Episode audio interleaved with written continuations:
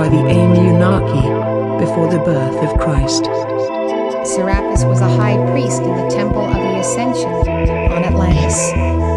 Bolsjevikfrimurarna behövde människooffer. the actual order of the Illuminati. Adam Weishaupt and all of his uh, evil uh, philosophers. Det är ingen åsikt, det är en åkomma.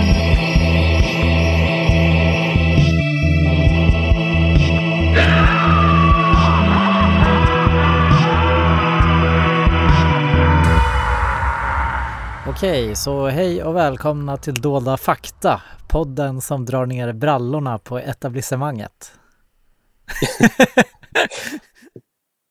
200 år för sent, men Ja. Som jag sa i förra avsnittet så hade ju Ka- Karl eh, Edsman helt fel. Eh, sjätte och sjunde Moseboken har inte alls förpassats till eh, fantasins skumma valv och verkar inte alls höra hemma enbart i kuriosa-kabinett. nej. Internet har gett en ny popularitet och nu är den mer lättillgänglig än någonsin. Ja, det var ju just typiskt. Men eh, man, internet kanske är ett kuriosa-kabinett, kan man ju tänka på. Eh, ja, jag googlade såklart eh, ofta sjätte och sjunde Moseboken när jag förberedde mig inför de här avsnitten. Och jag hamnade först på forumet Övernaturligt i fokus Mhm. som hade en tråd om sjätte och sjunde. Den var intressant som ingång men det var inte något direkt nytt utifrån det jag hittat i böcker som togs upp. Sen hamnade jag också i ett finskt forum. Det är ju härligt att man kan Google Translate allt möjligt. Mhm. och eh, det kanske då pekade på att det har funnits en levande tra- svartkosttradition också i Finland då. Det, det var ju i Åbo tydligen som det fanns en svartkonstskola var det någon som sa. Just det. Det kanske finns kvar. Ja, vem vet. Men sen hittade jag i alla fall en jättelång tråd på Flashback eh, där det står mycket om personliga erfarenheter kring eh, sjätte och sjunde Moseboken. Mhm. Eh, Så den här tråden heter Svarta Bibeln som är ett alternativnamn då för, för sjätte och sjunde Moseboken eller för liksom samlingar av olika trollformler av olika slag. Okej, vilket, vilken forumdel var det här? Jag vet inte vad det var för del, jag bara... Ja, sökte det finns på- ju, nej det finns ju kategorier, ja, underkategorier. Men, Okej. Ja. Ja, ja, ja. nej, vi, vi vet inte. Nej, det är... bara- Äh, kan väl länka den. Jag ska försöka göra sådana här eh, källgenomgångar igen. Lägga på Tumblr. Mm. Var transparent. Jo, det är viktigt. Så jobbar ju vi till skillnad från historiepodden till exempel. Ännu en känga till historiepodden. Nej, de är väl Ja. transparenta också. Ja, de är är ganska bra podd eller? Jo, jag ville bara komma åt dem. Om du vill eh, ge en känga till en annan podd så kan du ju göra det nu då. För nu tänkte jag bli Jack Werner i några minuter. Och lä- läsa upp en Flashback-tråd eh, över stämningsfull musik. Mhm. Ja, nej men jag kör. Okej, ja du hade din chans. The elite are obsessed with the occult. Det de hade sysslat med det var egentligen orgier där de hade haft sexuellt umgänge med smådjur och pygméer. Det är ingen åsikt, det är en åkomma. De vackra ungdomarna skulle därför förintas som samhällsfarliga.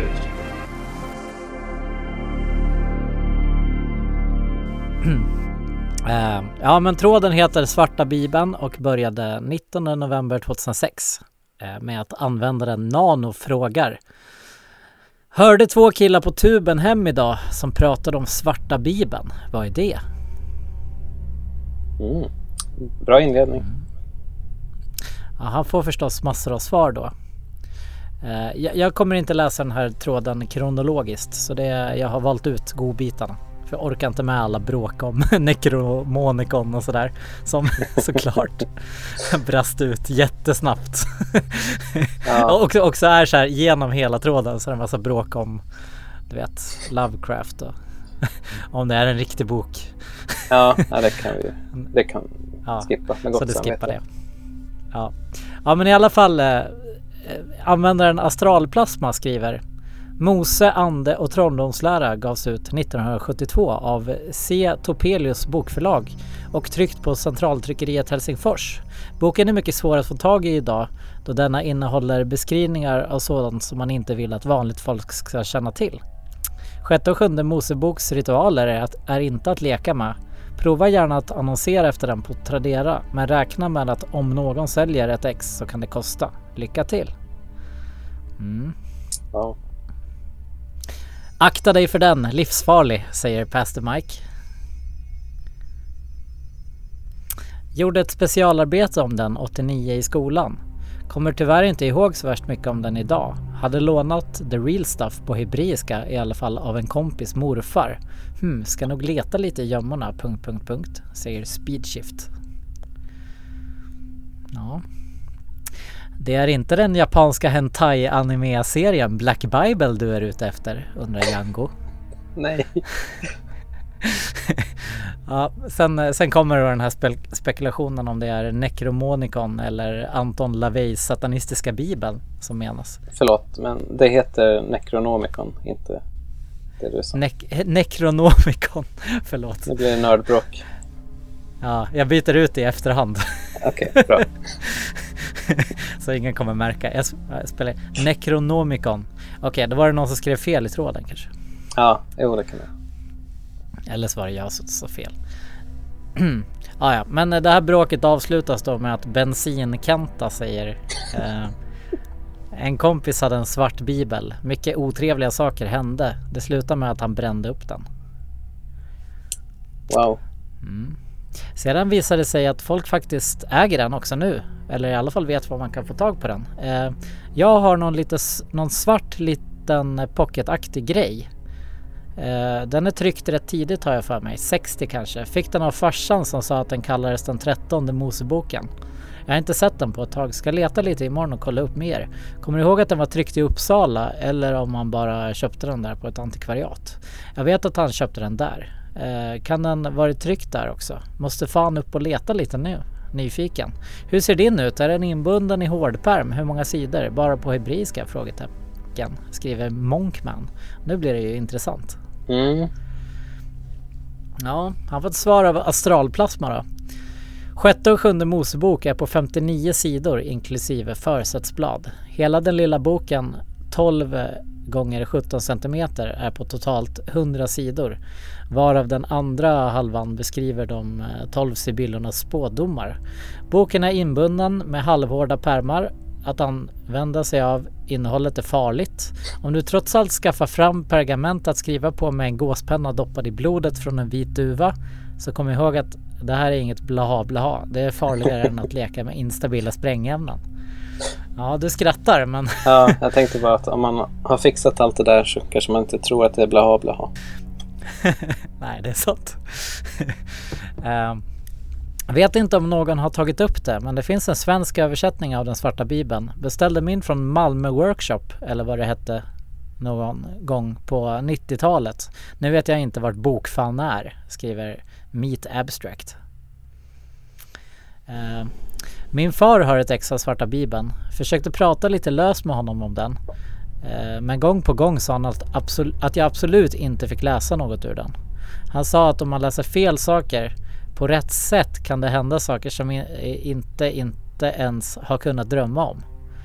Eh, vad har jag... Ja, vad jag har för mig så är det väl sjätte Moseboken. Det var en svensk version som det stod med stora svarta bokstäver, svarta bibeln om jag minns rätt. Det står ju på hebreiska i boken har jag för mig också.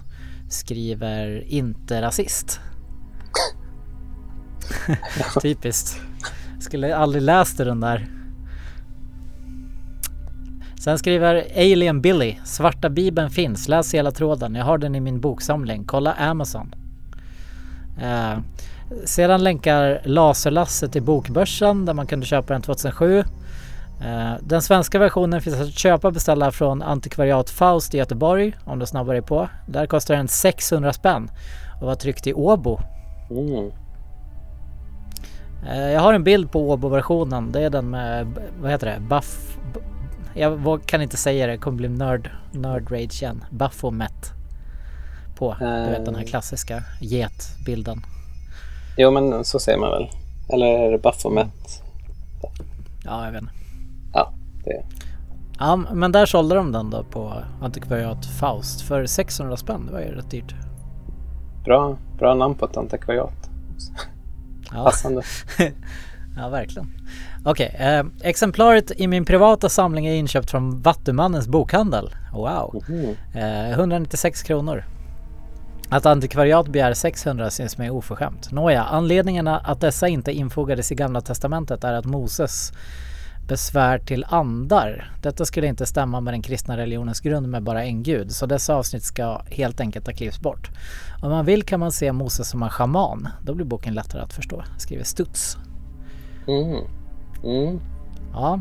Sen kommer, sen kommer Swiper33 in och skriver Tänker på Bible Black, dreglar. Va? Det var den där hentai, hentai-serien. ja. Uh, Okej, jag har denna bok framför mig just nu. Den har mjuka svarta pärmar och dålig bindning för flera sidor är lösa. Eh, här kan man läsa många besvärjelser och hur man eh, ska rita sina pentagram och magiska cirklar. En ren instruktionsbok för att framkalla underverk och förbannelser. Boken är på svenska men alla besvärjelser finns även på hebreiska. Ruggig läsning. Eh, så beskriv han den lite här då. Det är den här Åbo-versionen från 72. Det står på försättsbladet den svarta bibeln, sjätte och sjunde Moseböckerna. Eller med andra ord Mose trolldom och andelära samt förklaringar till de underverk som de gamla och kloka hebreerna gjorde.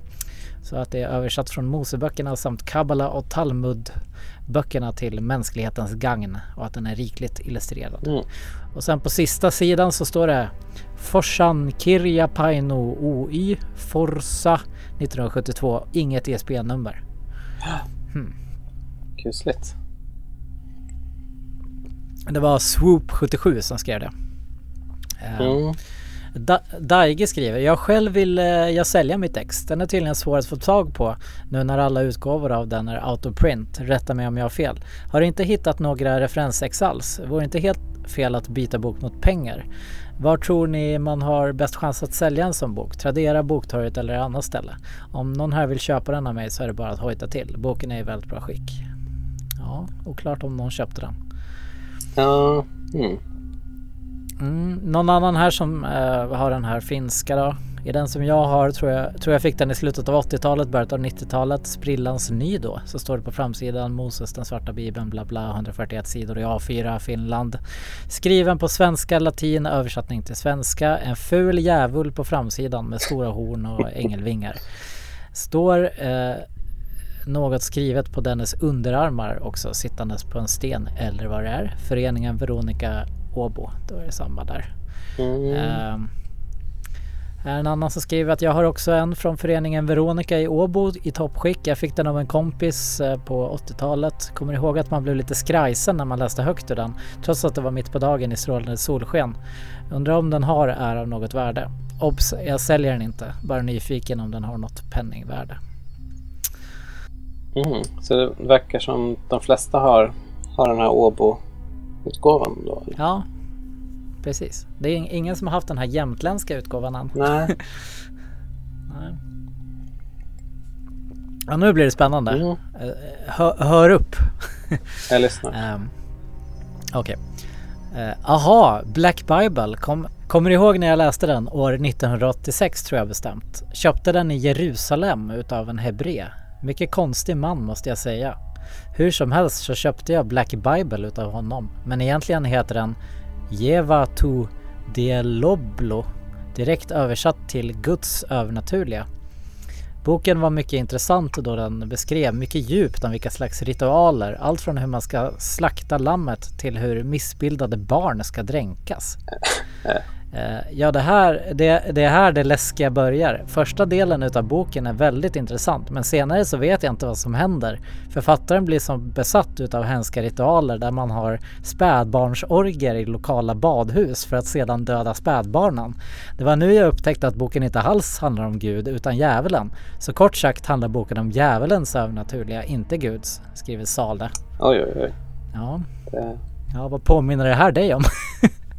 Moloch kanske? Ja, S- SRA tänkte jag också. Ja, det också.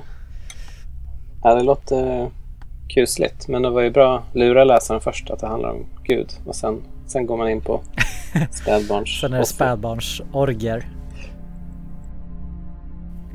Ja, ehm, Projekt 6 skriver. Min morbror har svarta bibeln som har tillfallit, tillfallit ursäkta, honom genom arv. Det var väl en gång en del av bibeln som jag har fått förklarat.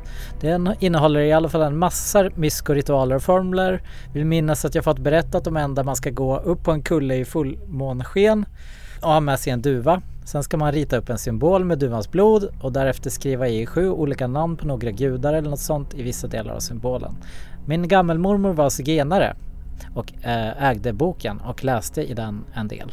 En annan av mina morbröder läste den när han var ung. Han använde enligt ryktesvägen i släkten eh, som inte är sorten som snackar i onödan, en formel på en mycket ond dam som gradvis tappade synen och blev till slut helt blind resten av liv, sitt liv. Oj. Eh, gammelmormor skrämde barnen från att läsa den genom att säga när man kommit igenom hela boken och utförde ritualerna så tappar man bort sig själv och blev något annat. Eh, det stämmer säkert med tanke på de rätt sjuka grejerna som stod i den. Eh, tror han har boken på finska tyvärr, men den är snygg. Matt, svart och ganska tunn. Den är säkert värdefull idag eftersom den är gammal och genuin, men ändå i fint skick.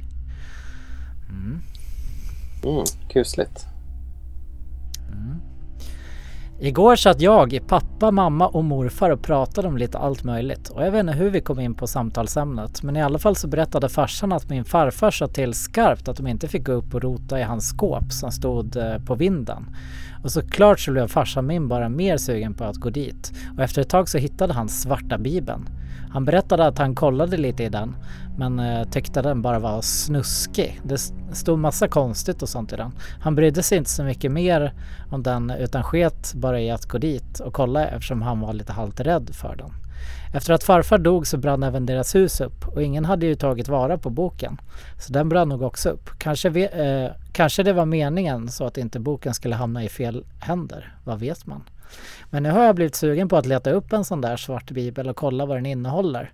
Den som farfar hade var på svenska tydligen och cirkus 2-4 cm tjock. Skulle vara skoj att ha en gammal svart bibel om, som man kan studera och inte en nytryckt kopia, skriver Streamhug. Mm. Sen kommer Ipskiff och skriver om din farfar var medlem i ett av de många barnoffer, övergrepp, satanistiska cirklar så kan man ju föreställa sig att de vid en medlems död gör allt för att knypa, knyta ihop allt som kan återkopplas till organisationen.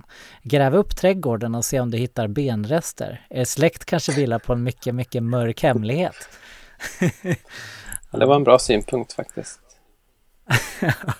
ja. Blev det någon, blev det någon svar på det? Nej. Nej. Nej, tyvärr. Ja. Synd. ja. Eh, kanske admin gick in i så fall och rensade. Ja, locket på. Många av de här användarna är ju avstängda förresten. De skriver Mhm. den här tråden.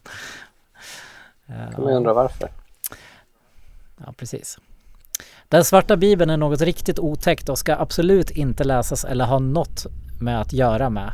En bekant till mig hade en sådan i sitt ägo och det vad som hände honom är inga trevliga saker. Så om någon funderar på att använda eller läsa den svarta bibeln, gör inte det. Kanel i pulla. Skrev det. Jaha, För sent. men vad hände då? Jag vet inte. Ja.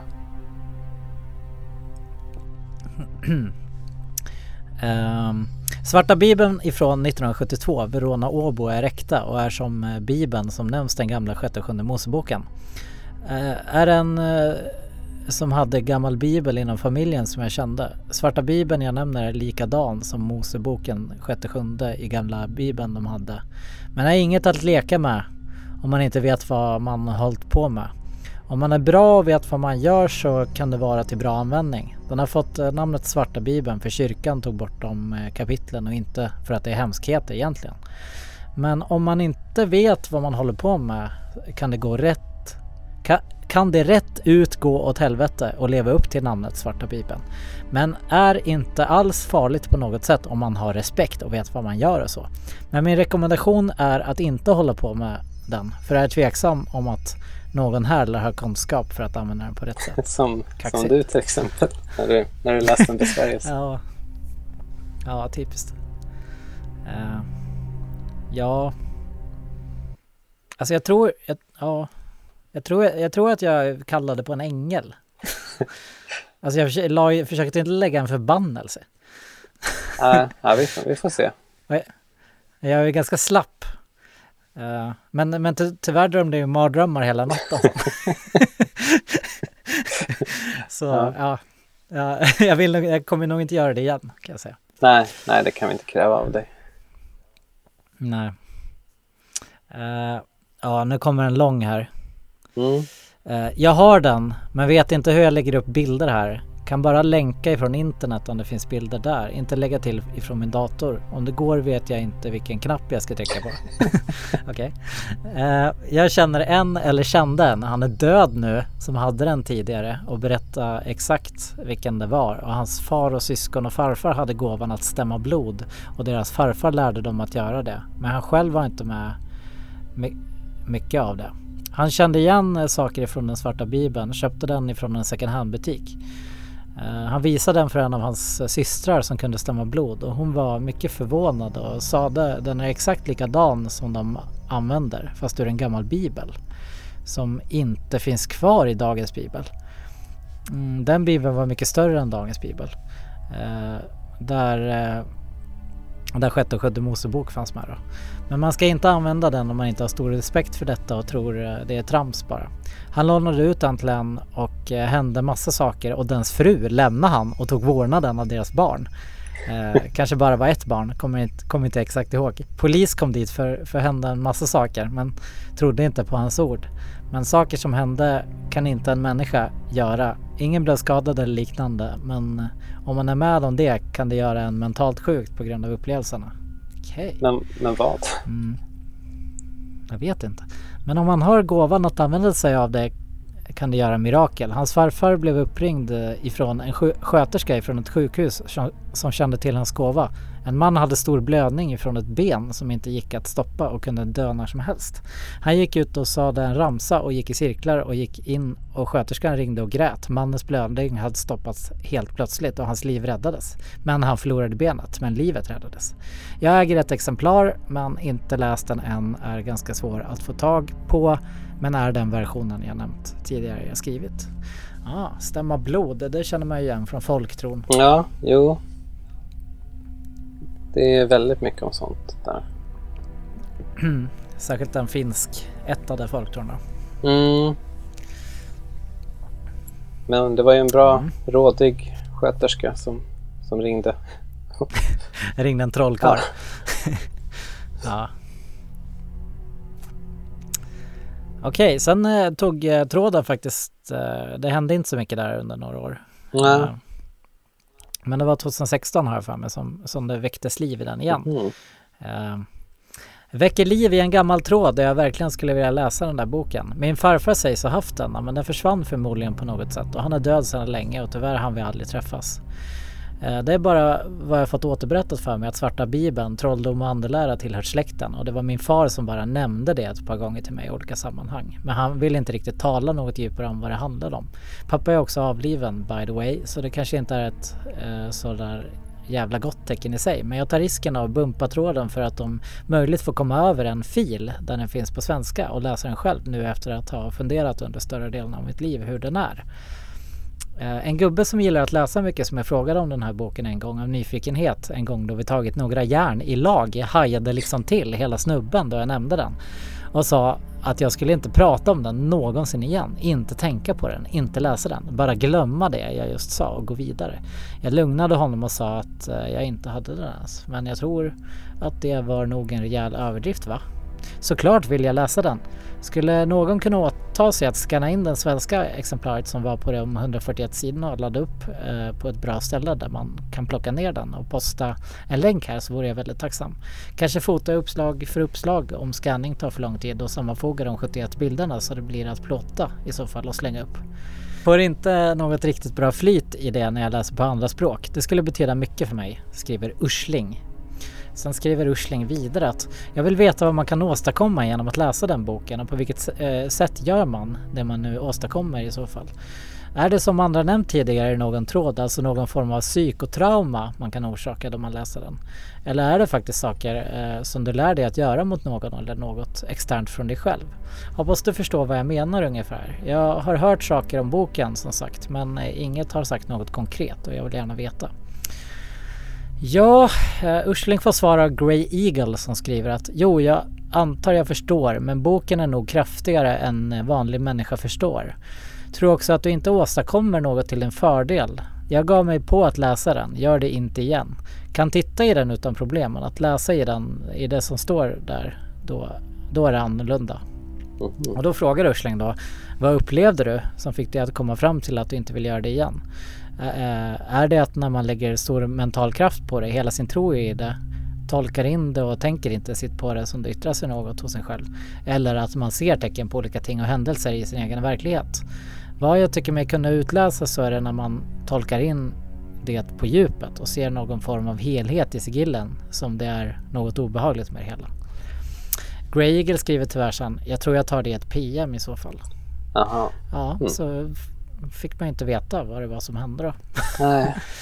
och eh, sen blev det bråk mellan, eh, jag tror att det är någon med muslimskt påbrå som skriver om att, Mhm.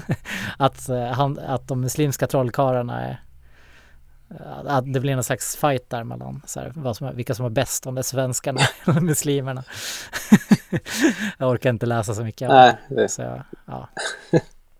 ja, men det, det var väl det mest spännande jag hittade i den tråden i alla fall. Ja, det var mycket folk har varit med om ändå. Verkar det som. Ja, precis. Man förstår ju att den är mytomspunnen också nu för. Jo. Men det var bara att det hände hemska saker. Men de säger inte vad. Nej, vad kan det vara? Alltså, eller ja, vi kommer nog till det. Jag, Mm. Ja. Eh, För jag har i alla fall, när, när jag eh, liksom undersökt, vad ska man säga, folk som håller på med sånt här idag. Eh, De kanske håller på med närliggande typer av magi och sådär, så brukar de berätta lite vad som händer när man håller Mm. på med det. Så vi kommer in på det lite. Ja. så vi kan ju spekulera om det kanske är samma saker som händer när man läser sjätte och sjunde Moseböckerna. Mm. Ah, ja. ja, alltså ganska snabbt när man googlar sjätte och sjunde Moseboken så kommer man till eh, Esoteric Archives eh, som drivs av en man som heter Joseph H.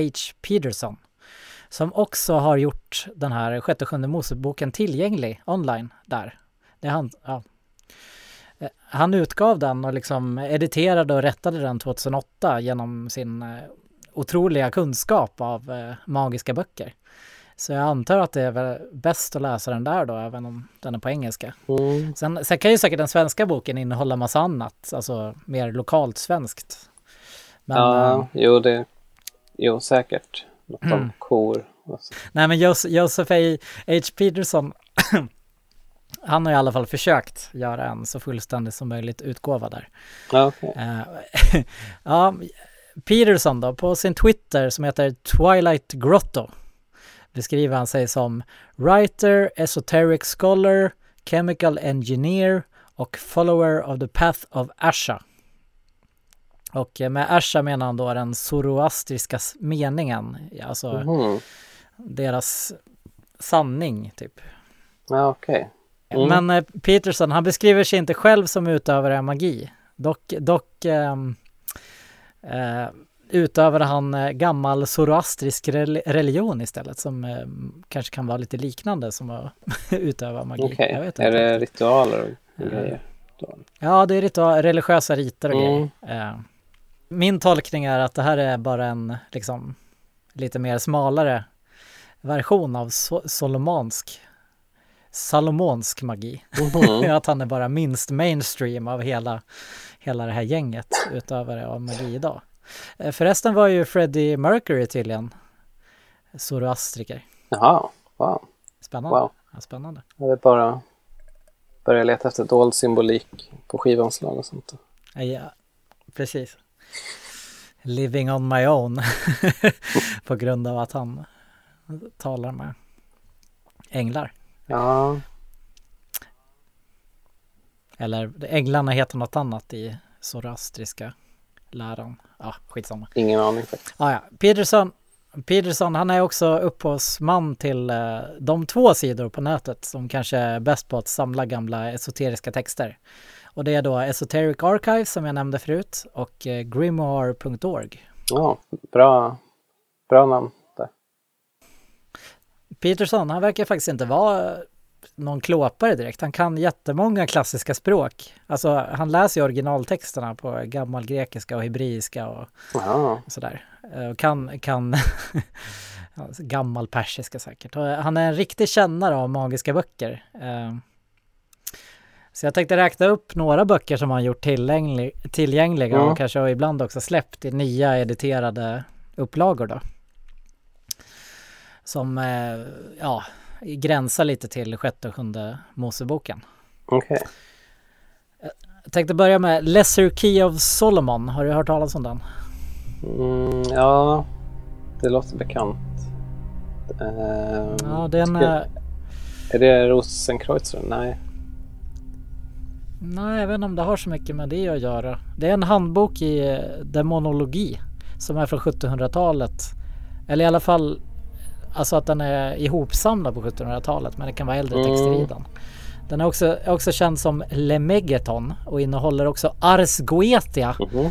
som innehåller namnet på 72 demoner av olika slag och hur man skyddar sig mot dem och kan använda sig av dem. Ja, ja nej, men, eh, det, nej, men titeln låter bekant. Tror jag stöter på den ibland. Du kanske stött på det här med demoner i olika hierarkier där kungarna är uppdelade i de fyra värdestrecken och att de sedan har olika demonhertigar och markiser och allt möjligt under sig. Det kommer tydligen från Ja. Key of Solomon. Är inte där en massa roliga bilder på hur de ser ut också? Ja, exakt. Jag la precis ut den som på en som har typ lejonhuvud med fyra bockben åt olika håll. Som jag antar rullar fram eller något. Ja, det är väl någon som ser ut som en elefant också. Ja, de, Ja, det är ju... Det är ju är det? Bemot? Ja, eller, ja, det är det va? Tror det. Gravid elefant. Eh, Crowley editerade Ars Goetia 1904 fak- faktiskt. Mhm. Så han höll väl säkert på med det här också. Jo, jo, säkert.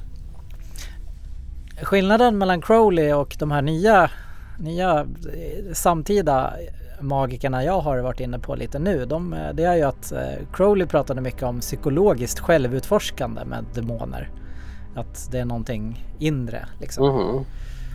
Men, medan de med dagens magiska community, alltså de som håller på med solomonsk magi till exempel, de verkar mer se de här som riktiga ja, entiteter då.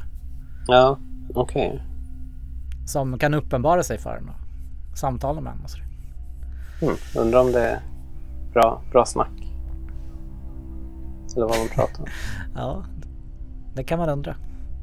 Ja, ja. Men eh, sen finns det också Solomons nyckel. Mm. Så hänger väl ihop med den förra. Den sägs härstamma från Solomon själv. Skriven under renässansen som man tror.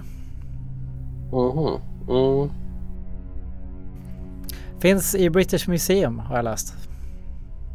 Så många magiska texter finns samlade där. Om man någon gång vill bli bibliotekarie så är det väl British Museum kanske som är häftigast. Om Ja, man vill ha nära till hands Jo. till olika grimoarer. det, det är nog ett bra tips. jag, sa jag vad grimoire är? Det är väl... Nej, faktiskt inte. Va, vad är nu det igen? Hur ska man definiera det? En, eh, ja, en bok med magiska instruktioner hur man liksom frammanar olika saker och gör amuletter och talismaner. Och, Ja, men det är, svart, det är svartkonstböcker. Helt enkelt, eller? mm, Eller kan det vara vit magi också? ja, det... Det måste jag nästan eh, forska i. Jag vet faktiskt inte. Nej. Det står ju inget. Jag går in på Wikipedia lite snabbt så står det ju ingenting om att det är endast svartkonst. Men många av böckerna de räknar upp har jag sett räknas till svartkonst. Ah, ja, Ja, det beror ju på vem man frågar. En del tycker att allt är svartkonst. Att det inte finns någon vit magi. ja, precis. Precis, det var ju väl mycket så förr kan jag Mm. tänka mig. Ja, ehm, ja men den här Solomons nyckel då, det är mycket, det är frammana andar och symboler och amuletter och sigill och Solomon sägs ha skrivit den till sin son och bett honom gömma den i sin krypta. Den senare har hittats av babylonska filosofer som då Jaha. inte förstod den men som tur var fick de tolkningshjälp av Herrens ängel.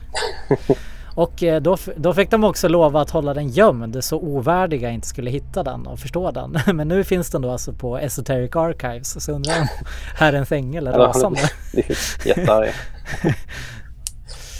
Ja, ja. Och sen har vi också Solomons testament. Du, du anar ett eh, mönster här att Solomon dyker upp. Ja, jo. Det, verkar ha gjort mycket. Och det här kanske då Ja, det här kanske då är den första i den här Solomon-serien för den ska vara skriven från, eh, under första årtusendet efter Kristus. Ja, okej.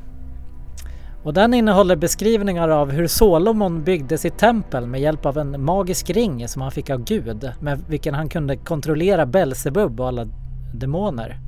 Eller Belsebul heter han här. Mhm. Mm. Mm. Jo, men har man inte hört väldigt mycket just om det där templet? Hur han byggde det? Det var... Verkligen. Alla Mm, möjliga. och frimurarna och hela grejen. Ja, just det. Det, det också. Hiram byggaren. Tänk, tänk om han hade... Om, eh, för att Hiram var väl liksom mästare i den här murarskrået. Men eh, hans, de andra i murarskrået, var det demoner då? Hmm. Ja. Kommer faktiskt inte ihåg. Men eh, förmodligen. Är alla frimurare demoner då? Det beror också på vem man frågar. Om man frågar Jurelina till exempel. Ja. Ja, ja, men de här demonerna de beskrivs väldigt läskigt i eh, Solomons testament. Det är, en har inget huvud till exempel. Eh, och en annan verkar vara en slags Lilith-figur då. Med, eller Medusa till och med. Som stryper barn och har ett grönaktigt ansikte med ormhår och kroppen är bara mörker. Oj. Här var också en, eh, jag hittade en kort passage här som, eh, som är så här. Vad ska du läsa? Åh nej, vad ska du läsa nu? Ingen besvärjelse. Okej. Eh, det är en beskrivning av vad som finns. There follows a short conclusion in which Solomon describes how he fell in love with a Shunammite woman and agreed to worship Remphan and Moloch in exchange for sex. Mhm. Mm. Solomon agrees to sacrifice to them, but at first only sacrifices five locusts by simply crushing them in his hand. Uh, immediately, the Spirit of God departs from him, and he is made foolish, and his name becomes a yoke to both humans and demons. Solomon concludes his text with a warning to the readers. He tells them not. He tells them to not abandon their beliefs for sex like he did. Ja, det är tänkvärda ord. Offra inte till Moloch för sex. Jo, men det, det, men det där känner ja, ja, men det där känner jag igen. Det har jag också läst på något ställe. Just att det var de här olika, hans älskarinnor som ledde honom att börja dyrka just Moloch. Det är någon slags klass. Jag tror till och med, det står nog i Bibeln till och med va? Jo, det är möjligt. Eh, det står också om en eh, 33 demon som heter Ryx Achoneot som eh, orsakar ont i halsen. Eh, Ja. och Då kan man då få bort den här demonen genom att skriva orden Leikourgos på eh, murgröna löv och heaping them into a pile. Gör en hög av, av löv som det står Leikurgos på då. Kan man göra. Jaha, ja, det här var ju att, innan det fanns baffusin och strepsils och sånt. Så. ja. Men det kanske funkar också. Ja, vi får väl testa det. Ja, Eller nej, jag har, jag har, eh, jag har du, slutat. du har gjort... Mina, mina svartkonstdagar är över. det, det finns också så, såklart kristna teman i den här eh, boken. Ehm, Mm.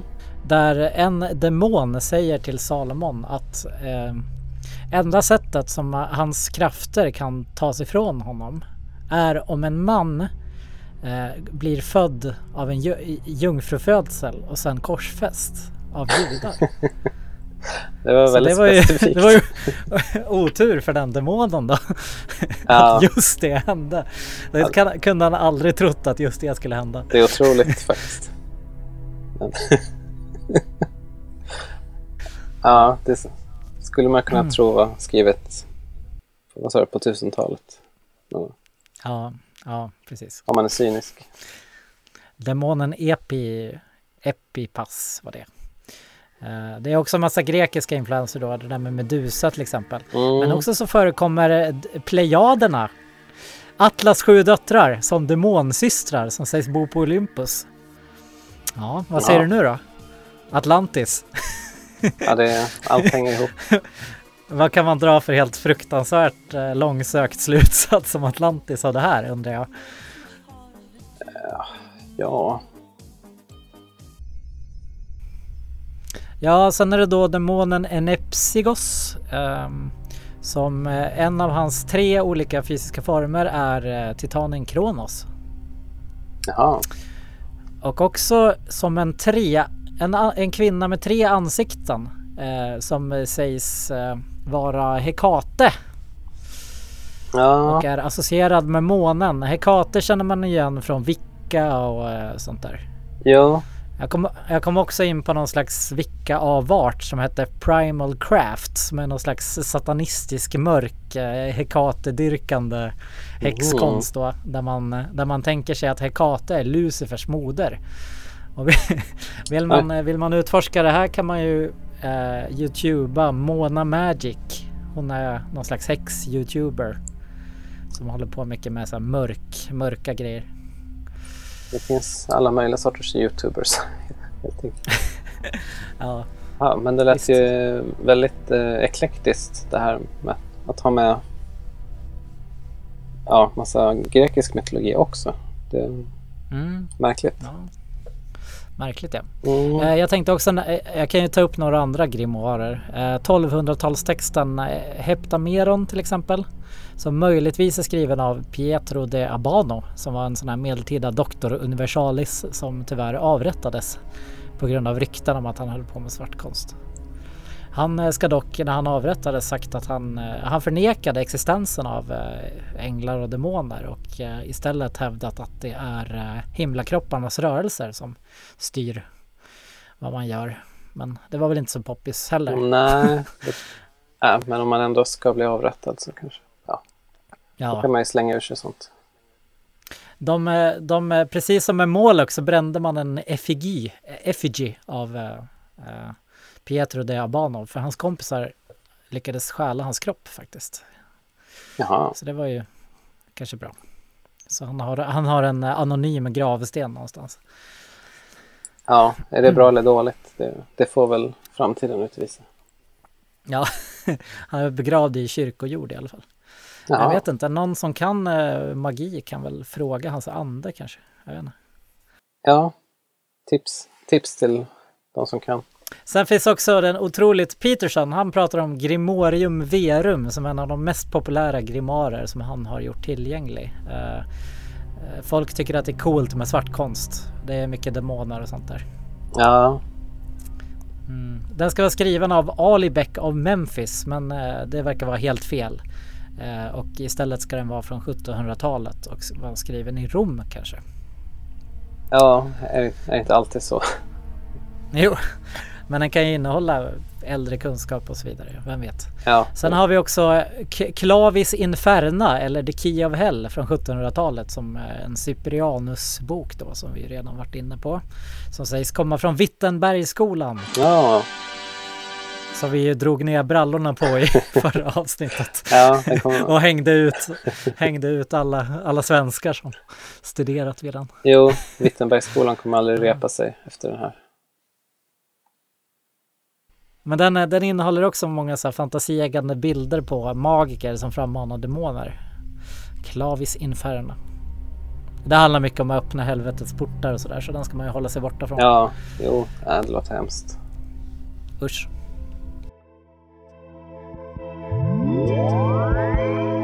Min eh, ingång till eh, magiker idag har varit podcasten Glitch Bubble som jag rekommenderar. Eh, där, inte, där intervjuar han till exempel eh, Peterson då. Ganska bra intervju som eh, Ja, de pratar om hur han åker runt i världen och får tillgång till alla de här texterna.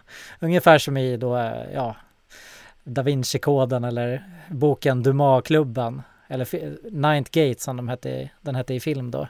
Förutom att Mm. Peterson inte alls ser ut som Johnny Depp. Han är mest en så här liten gubbe med glasögon liksom. Kanske är så man får tillgång till alla de här grejerna. Att man Kan vara. ser ofarlig Mm. ut. Man, ser inte, man är inte så här sexig och, Nej, och nej, det är oftast på film kanske. Det är så. Bär, bär en sån här äh, lä, läder axelväska fylld av manuskript. Då när man är oråd direkt som bibliotekarie. jo, jo, verkligen. Ja. Ja, den här podden intervjuar också massa andra i det amerikanska Magic Community. Eh, och många av de här medlemmarna ser tyvärr ut precis som ens fördomar säger att eh, någon som håller på med magi eh, ska se ut då. Är det sant? Men, ja. Men om man är nyfiken på alla dessa, ja det är nästan enbart killar då som bygger besvärjelserum i sina källare där de senare kommunicerar med änglar genom solomonisk magi då. Mm. Så kan jag rekommendera Glitchball. Jag kan också rekommendera magikern Frater Ashan Chassans blogg som är väldigt spännande. Han är också gäst i Glitchball. Han ser också väldigt vanlig ut, bara en vanlig kille med briller typ. Men som man kollar hans blogg så har han så här äh, rituella klädnader och dolkar och ritar äh, ja, talismaner och håller på. Ja, Ja. Han, han skriver till exempel om när han flyttar, det är väldigt underhållande för att han var ju tvungen då att eh, rena sitt hus från eh, Alltså dels var han tvungen att eh, ta bort alla sigill och besvärjelser som han hade för att kunna kommunicera med andra i sitt gamla hem så att det inte skulle vara massa konstigheter till de nya gästerna. nej, nej det, det var väl snällt. Ja, och sen berättar han om att i det nya huset så bodde det en arg ande. Eh, och så berättar han då hur han hanterar det här och hur han går tillväga när han i astralvärlden liksom förvisar anden från huset. Det är väl ungefär som i Det Okända kan jag tänka mig. Han ber en gå mot ljuset. Ja, jag kan tänka mig det. Men, men att han då kanske då gör, ritar en eh, magisk cirkel med massa olika symboler i på marken och eh, tänder rökelser och eh, fastar och Ja, Håll på. ja, det, ja inte. det brukar inte Ja, Terry Evans ja. göra i och för sig. nej, nej, de kanske borde testa att ha med en sån här sonomansk ma- magiker Ja, i eh, det okända. då skulle jag börja kolla igen. Faktiskt. Eh, han berättar också hur, i podden hur svårt det kan vara att kombinera familjeliv och att vara solomonsk magiker. Till exempel då det liksom där, att man utövar den här typen av magi. Det, det brukar ofta resultera i eh, poltergeistaktiga fenomen. Liksom. Till exempel viskningar i väggarna och så vidare. Oj. Eh, och eh, hur hans fru då, som till en början var väldigt skeptisk mot hans hobby, gått från att vara inte alls imponerad då till övertygande troende på det paranormala eftersom Mm. hon tvingats uppleva massa sjuk skit antar jag. Förmodligen. Ja men där kan man läsa om i Frater Asch, nu ska vi se så jag inte påkallar uh, ännu mer. Frat, Nerdrage, Frater Aschen Shazan heter han. Mhm. Ja, ja, det låter ju som... Inte livspusslet jobbigt nog som det är redan? Måste man Precis. börja med Eh, sånt där också? jag, jag kan ju säga att gränssnittet i hans blogg är också precis som man kan tänka sig att det ska se ut. Jo, brukar. Jag säger inget mer. Nej. Ja. ja, det finns en annan sån här kille som heter Aaron Leach också. Som eh, för att få tag i tråd spunnen av en jungfru. Mhm. Som är ju då är något, något man behöver för vissa ritualer. Har kommit på snilleblixten att använda sina egna barn då till att tillverka sådan. Och sen sälja den. Jättebra. Jaha. Spinna en tråd. Alltså ja. Så det var ju bra. Mm. Fiffigt. Kan också rekommendera podden The Hermetic Hour som jag råkade ramla in på av eh, Poke Runyon. Mhm. Det, det, det är den här podden som har fruktansvärt dåligt ljud där det låter som man talar från andra sidan ungefär. Eh, Jättejobbigt att lyssna på. Men ganska roligt. Och han hör till en så här äldre skola magiutövare och jag är kompis till exempel med Oberon Cell Ravenheart som jag tror jag skickat bilder på till dig. Han ser ut som en så här riktig serietidningstrollkarl. Mhm. Ja. Ja. Alltså så Merlin-stil ungefär. Jaha. Eh, jag minns faktiskt inte. Du skickar så otroligt mycket bilder. Ja, ja. Han, han, verkar, han verkar i och för sig vara någon slags neohednisk schaman. Och eh, det var också han och hans eh, gäng eh, med hippie-trollkarlar som populariserade och möjligtvis namngav fenomenet polyamorositet. Så tänk på det, alla trendpollys. Jaha. Wow. Får, får också nämna Dr. Steven Skinner. Eh, en annan utövare av ceremoniell magi då som eh, tydligen var med och populariserade feng shui. Oj. Jaha.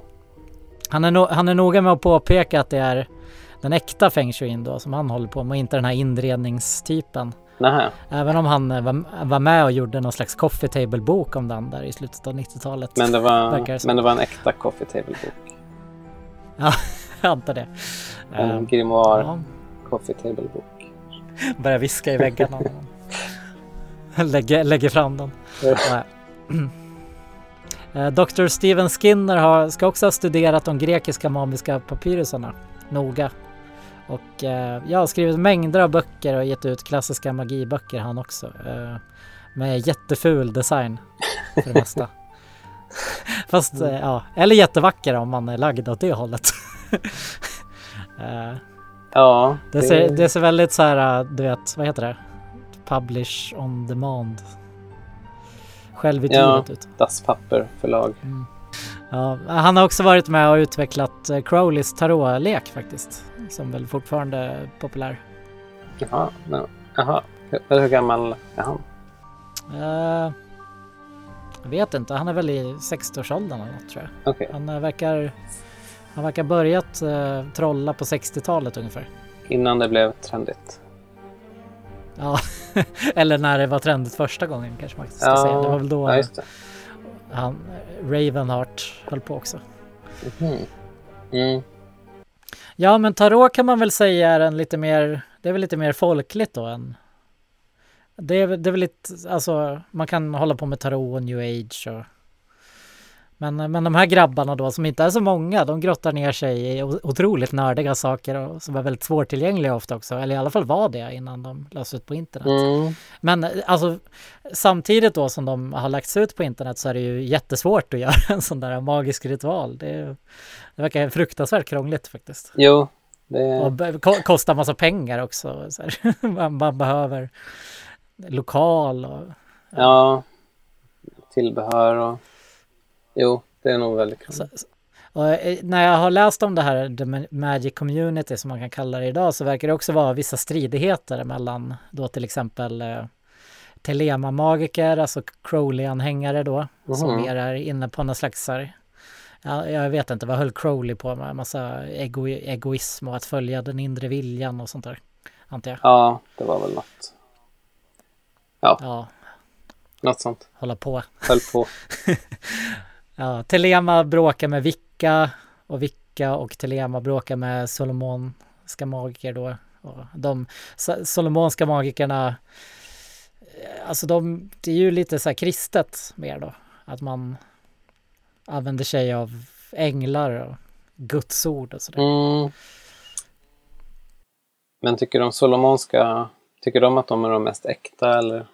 Alltså man skulle ju kunna tänka sig att alla de här grupperna tycker att deras egen grupp är den mest Ja, äkta. jo, jo så är det väl. Att, På, på olika... ja. Och sen, sen har jag också hört om något som heter grimoire hopping. jaha, vad är, vad är nu Och det? är, ju- det, är, det är jättesvårt. Det är när man liksom förstår massa olika grimoarer så, så pass att man kan använda sig av olika delar och sammanföra dem och liksom göra ännu mer effektiva ritualer av det som står i alla de här gamla böckerna på hebreiska. Och, Det är som en riktigt skicklig, riktigt skicklig DJ helt enkelt som kan taktmixa. precis. ja, exakt. ja, det lå- ja, där är inte du än antar jag. Nej, nej alltså jag, jag tänker inte hålla på att börja, börja med det här. Men jag tänker nog fortsätta lyssna på poddarna för det är väldigt underhållande. Jag, blev ju faktiskt chock, jag blev faktiskt lite chockad när eh, den här Peterson som kändes som en eh, professor i typ religionshistoria plötsligt började prata om eh, andar och änglar som att det är något som existerar. Men ja, Mm. Ja, vad vet jag? nej, Mm. vad vet man? Ja, det var, jag försökte faktiskt hitta en svensk motsvarighet till det här. Eh, Mm. Och eh, för att jag gick in på Flashback och sökte på olika sökord. Och det fanns en, eh, någon slags liten, liten tråd om ceremoniell magi där, där det var en som skrev Måste säga att det är ganska konstigt att en så pass känd bok som Salomons nyckel inte finns på svenska. Men, eh, med, det, men med det är Sverige vi bor i. Någon borde starta en linje om varför ockultismen är helt tabubelagd i Sverige. Mm. Är det, är det socialdemokratin som Ja, det, det måste det vara. tab tabubelagde ockultismen i Sverige? Ja, det, det måste det vara.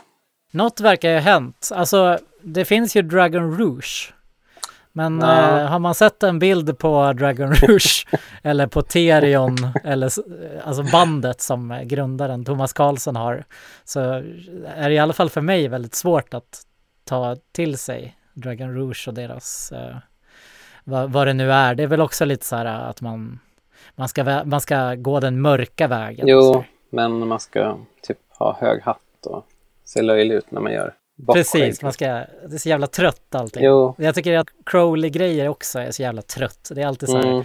ha någon jävla hatt och eh, prata om att den mörka vägen är mer sann än den ljusa vägen. det är väldigt så här, eh, Ja. inte, lite pubertalt Jo, kanske, eller? jo, verkligen. Nej, man blir väldigt trött. Trött av det.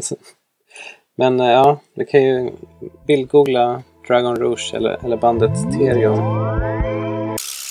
Nej men eh, i Sverige då också, då finns ju såklart massa häxor och tarotutövare. Jag- eh, Ett av mina fa- favoritforum här i Sverige, det är ju Häxor i fokus. Det har vi väl pratat om massa gånger och jag har spenderat mass- massa timmar där.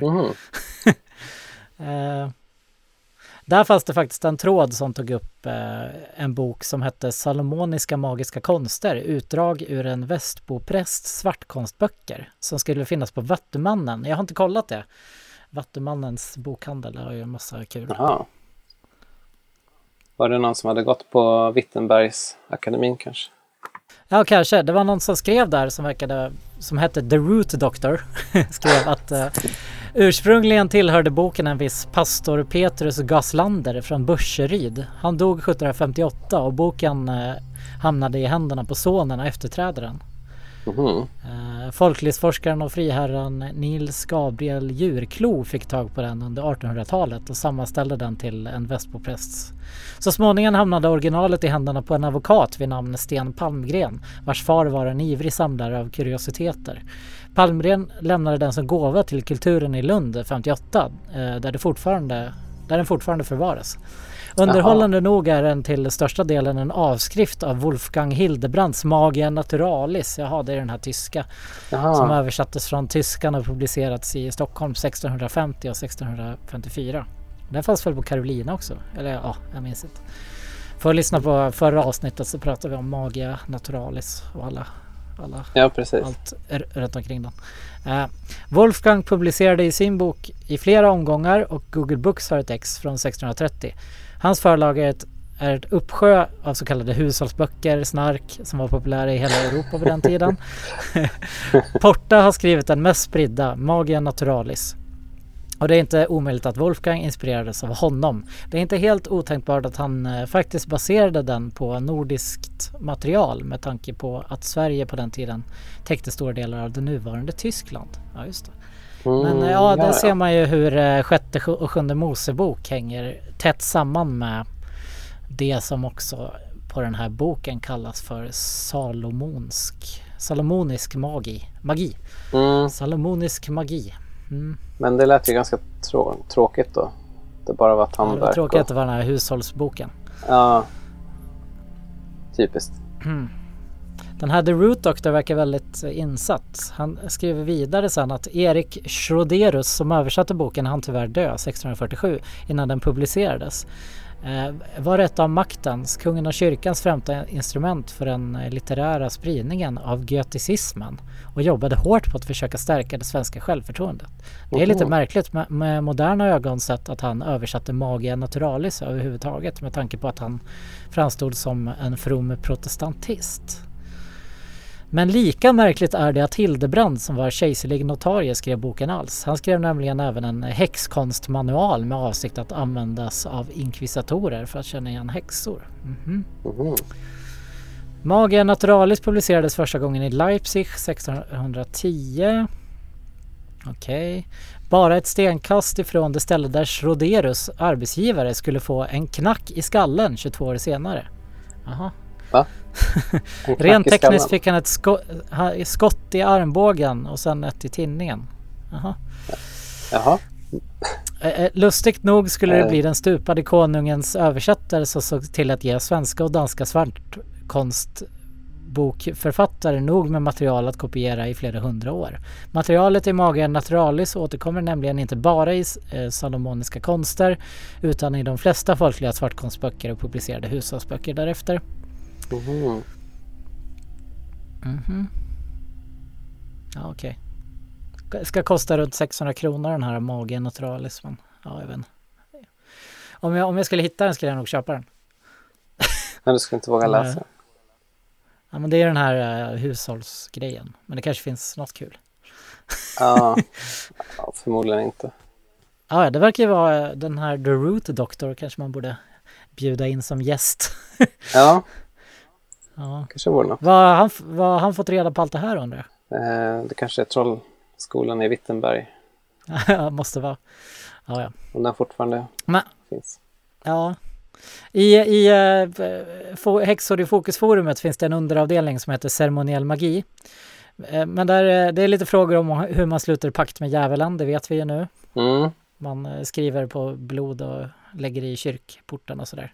Mer info om det i första avsnittet. Och också hur man häver en förbannelse. För eh, här skriver den, jag tror eller, eller vet jag har någon slags förbannelse över mig. Har smärtor ingen kan förklara. Otur allt dåligt som kan hända händer mig. Förlust död utan anledning. Jag vill ha hjälp att nå änglarna och få bort denna förbannelse. När vi köpte hus kom olyckan innan vi ens, ens han flytta in. Den har det bara gått ut för. Jag vet hur många hade gröna ögon som kan gå kontakt med svarta krafter. Så behöver verkligen hjälp att få bort detta innan jag förlorar alla i min familj och allt jag värdesätter. Hjälp mig tala med änglarna. Oj. Ja, Alltså, gröna ögon, sa du? eh, ja, kanske har man lättare att få kontakt med svarta krafter om man har gröna ögon. Jaha, ja, så kanske det är. Enligt den här forumförfattaren eh, med kronisk smärta och Ja. trötthetssyndrom kanske. Stackarn. Ja, stackarn. Men, men den här typen har väl du koll på eller? För du har ju hängt på Facebook-forum där folk eh, håller på med kanske inte magi men det övernaturliga. Ja. Vad, tänk, vad, vad tänkte du på? Nej men så här läsningar över varandra och Eh, ja, jo, jag var med. det blev ju medlem i ett forum som jag aldrig blev inbjuden till fast jag försökte fem gånger. Ja, just det. Det, det kanske var andar och andra sidan. Ja, Ja, så jag jo. vet inte vad som står där. Men stod det något om eh, Det var, salomonisk magi där eller var det mest... eh, nej, det var väl mest läsningar. Att någon la upp ett foto. Kan någon läsa av mig? mhm. Alltså skrev alla att ja, jag ser en snäll omtänksam person som borde tänka lite mer på sig själv och inte bränna ut sig. Typ. Jaha, okej, lite mer självhjälps... Ja, det, Magi det, det var väl mest sånt faktiskt. Ah, ja. Men jag, tror, Mm. jag tror inte den gruppen finns Jag vet inte om den gruppen finns kvar. Eller jag har nog stängt av. Så den inte syns i flödet längre. Nej, okej. Men om någon eh, lyssnare vet eh, om eh, svenska utövare av eh, salomonisk magi så får ni ju gärna berätta Ja, för oss. ja verkligen. Och då menar vi alltså sådana proffs då. och inte amatörer. Inga amatörer. Ja, ja. ja men eh, Peterson då, han berättar att han hade riktiga svårigheter att få tag på många av de här eh, texter. På grund av att Mm. de ofta stjäls och göms. Och det känner vi igen från också hur det har varit på 1800-talet och innan dess. Eh, Mm. ha- Han lyckas också få in en känga till bibliotekarier som felkatalogiserar zoroastriska texter på grund av att de transkri- transkriberar de olika dialekterna olika. Så får väl be om ursäkt utifrån bibliotekarieskrået för att vi inte kan eh, olika zoroastriska dialekter. Ja, det är för jävligt. Man gör ju sitt bästa också. Ja, Eh, ja, sen, sen blir det som sagt lite läskigt på, på grund av att han börjar, börjar liksom prata om eh, att han eh, liksom eh, säger att han verkligen tror på icke-materiella varelser och andar och demoner. Att han har upplevt så mycket så att för honom så går det inte att tvivla längre. mhm. Han pratar också mycket om att hans tro är dualistisk, att han tror på att gott och ont finns. Alltså då kanske då är manifesterat. Ja, jag vet inte. Men därför pratar han också om att det är otroligt viktigt att, att använda sig av skyddande besvärjelser i kontakt med andevärlden. Och det gör alla de här lirarna. Eh, Mm. Skinner säger att inte ha ett skydd, skyddscirkel är som att tämja ett vilt djur utan piska. Det låter jättesvårt. vill man inte göra. Nej, Men eh, Peterson då att eh, på grund av att det är så stort intresse för svart magi för att alla tycker att det är coolt mm. och, att, och att han inte får, vill få sin sida bannad heller så har han inte lagt ut de värsta svartkonstböckerna i sin helhet faktiskt. De får man beställa på en CD. Så jag vet faktiskt inte om då sjätte och sjunde Moseboken är i sin helhet heller. Finns de här pestbesvärjelserna som Moses använde när han i Egypten där till exempel? Jag vet inte. Då får man det på en jätteotäck CD. Sen, när man sätter in den i datorn kommer Moloch i datorn som är Ja, eh, Buffy precis. avsnittet. Ja, skrattar. Ja. ja, sen som jag sa tidigare så pratar han mer om religionsutövning då. Och, eh, men som då också verkar vara ganska likt rituell magi. Eller jag vet inte. Eh, ja, han går tyvärr inte in detaljerat på vad han har upplevt heller. Precis som många av de andra. Nej, det är ju synd att de ald- aldrig verkar göra det. Nej, men han verkar i alla fall kunna sin sak. Eh, Hans sjätte och sjunde Mosebok då eh, innehåller en inledning som sätter den i ett historiskt och litterärt sammanhang. Det gjorde ju Edsman också. eh, Och den Mm. innehåller såklart lite samma saker, men kanske ur ett mer amerikanskt perspektiv. Men den innehåller också lite andra saker, så ska väl gå igenom lite det, vad han säger om sjätte och sjunde Moseboken också. Mm. Mm. Han skriver att sjätte och sjunde är en av de mest kända då, att den har blivit viktig amerikansk folkmagi och används mycket av eh, holländska häxmästarna i Pennsylvania. Vilka de är vet jag Jaha. inte, men det, låter ju skitspännande. Ja, verkligen. Eh, men också bland hoodoo-utövare, alltså afroamerikanska rootworkers och häxor av olika sorter. Mhm. Även känd från folktron i Tyskland, det vet vi allt om nu. Eh, och också Mm. viktig för rastafaris och magiutövare i Västafrika och obia-utövare, alltså folkmagin från Västindien. Och det här är spännande. Han tar också upp att Gerald Gardner som grundade Vickarörelsen ska ha ägt en upplaga av sjätte och sjunde Moseboken från 1930. Jaha, S- ja, det var inte dåligt. En imponerande lista ändå. På. Och just det här med Hodo, Obia-utövare är ju spännande. Eh, för att det här kanske då härstammar också från eh, kung Salomon på olika sätt. Eftersom det härstammar ifrån etiopisk kristendom. För går man till 1300-talsskriften Kebra Nagast så står det ju där om hur drottning Sheba mötte kung Salomon och hur förbundsarken sen kom till Etiopien via Menelik. Mhm. Kan du den här historien? Nej, faktiskt inte. Nej, Sheba ska ha besökt Jerusalem då och konverterat till kristendom. Och då ska Salomon lurat henne att ligga med honom. Eh, och sen får de barn då ihop. Hon blev gravid med Salomon. Mhm. Och det är då Melinek. Melinek reser till Jerusalem när han är stor eh, för att träffa sin far och kan identifiera sig för sin far genom en ring som eh, drottning Sheba fick av Salomon när de skildes åt.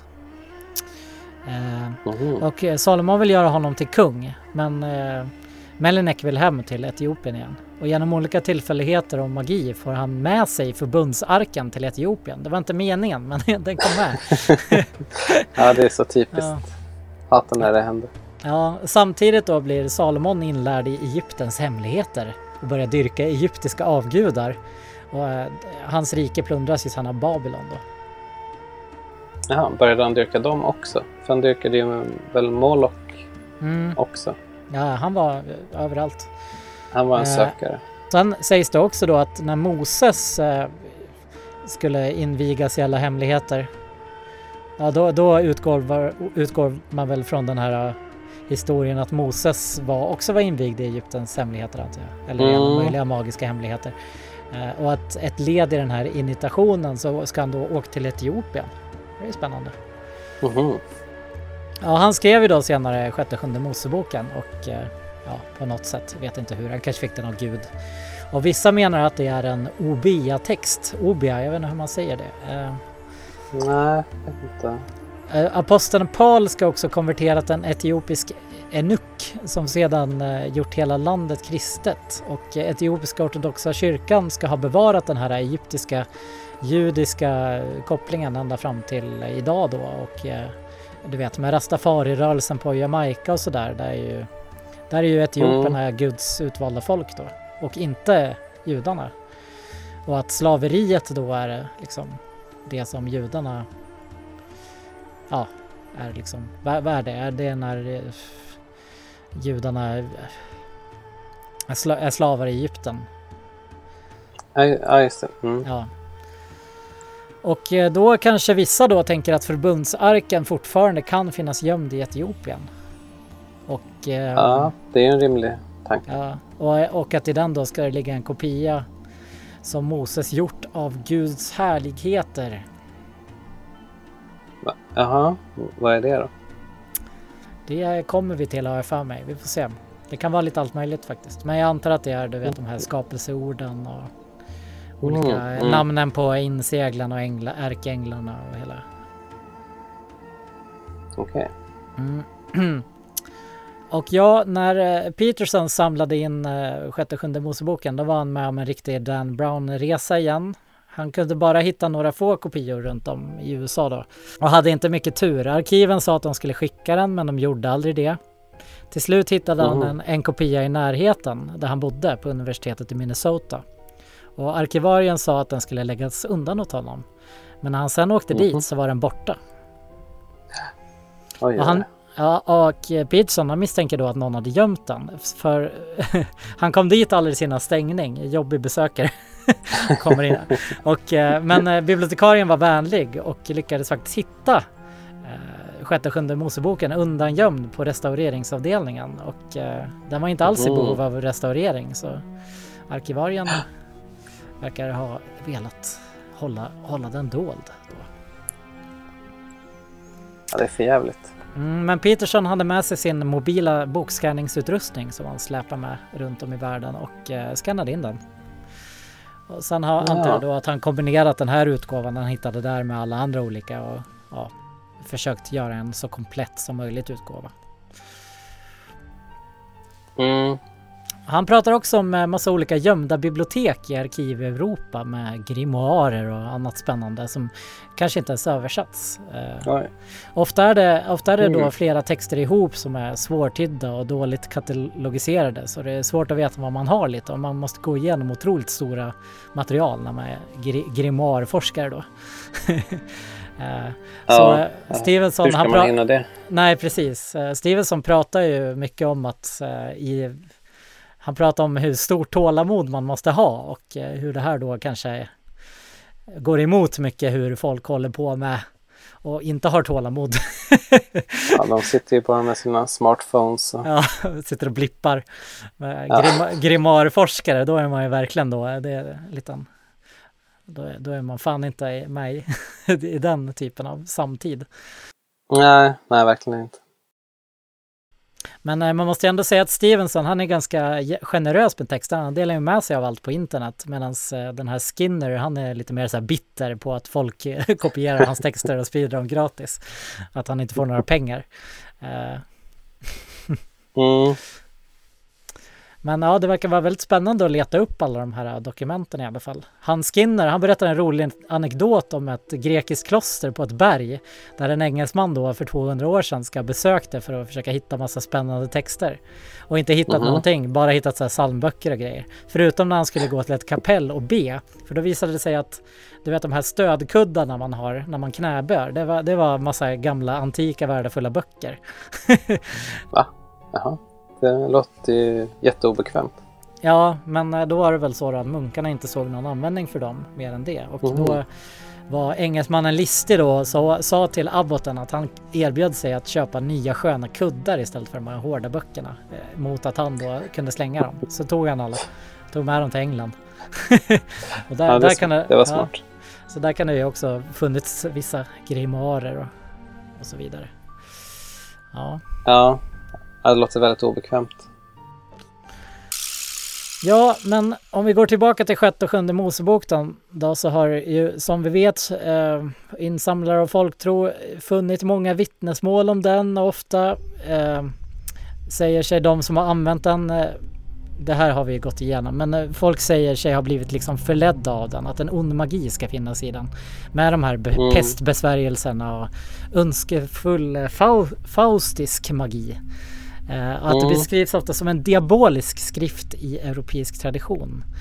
Eh, också i amerikansk folk tror jag är det så att den besk- beskrivs som ondskefull och att man ingår en pakt med djävulen. Ja, Eh, och att också att man då läser, bara att man läser i den kan vara farligt.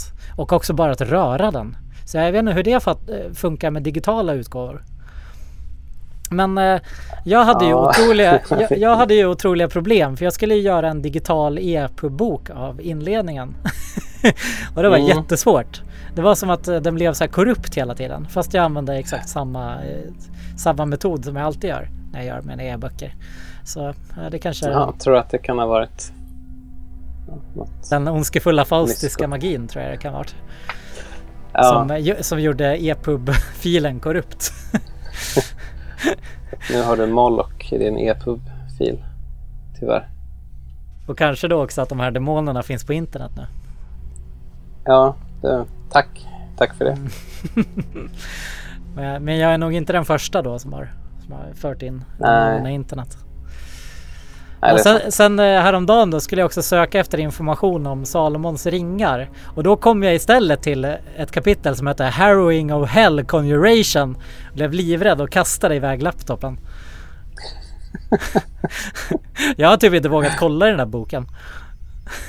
Nej, du kanske inte ska hålla på. Nej. Men det finns massa sån där sjuk skit i den också. Ja, Det är inte bara, det är inte bara änglar och sånt. Det är, tror att det är alltså svart konst. du tror, men du, du är inte säker. Nej, jag har inte vågat kolla. Jag har bara så här, du vet, scrollat igenom den snabbt några gånger. Ja, då kan det väl inte hända något om man scrollar snabbt bara. Men, eh, men sen är det ju också så att eh, andra tror att eh, sjätte och sjunde Moseboken har använts just för att besegra sån här ond magi. Mhm. Att eh, Moses ska ha skrivit den för att kunna besegra en ondskefull häxa. Vad nu det kan vara för häxa då. Men eh, Peterson skriver också att en anledning till att den är så populär kan vara att metoderna är väldigt enkla. Att det är så ganska simpla amuletter och så. Och några ord är ofta det enda som behövs. Så fan att jag läste den där. den där formen. Eh, ja.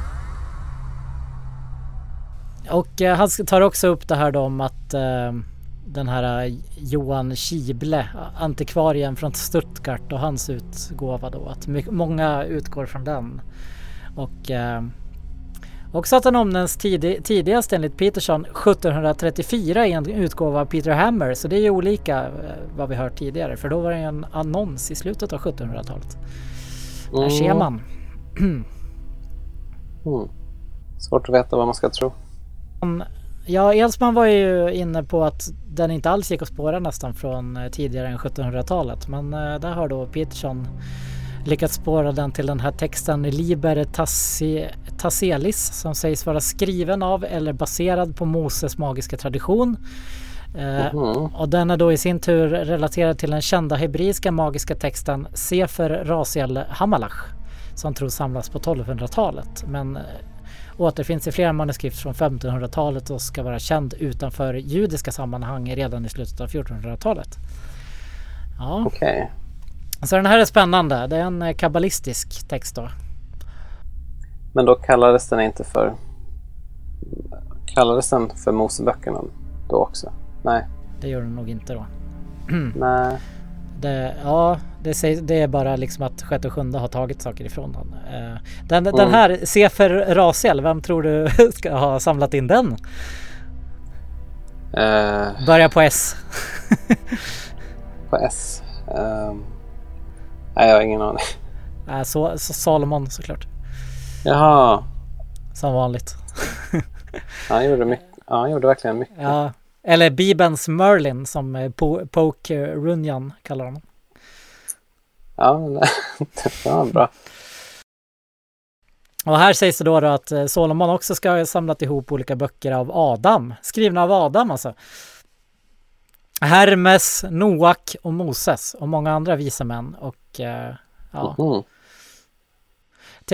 Den här boken Adam skrev, då, då menar man alltså boken Gud sände Adam via ängeln Rasiel. Aha, om skapelsens mysterier och så vidare. Ehm, Ja, okej. Så den var inte skriven, den var inte skriven av Adam? det vet jag inte. Eh, Det är nog svårt att veta.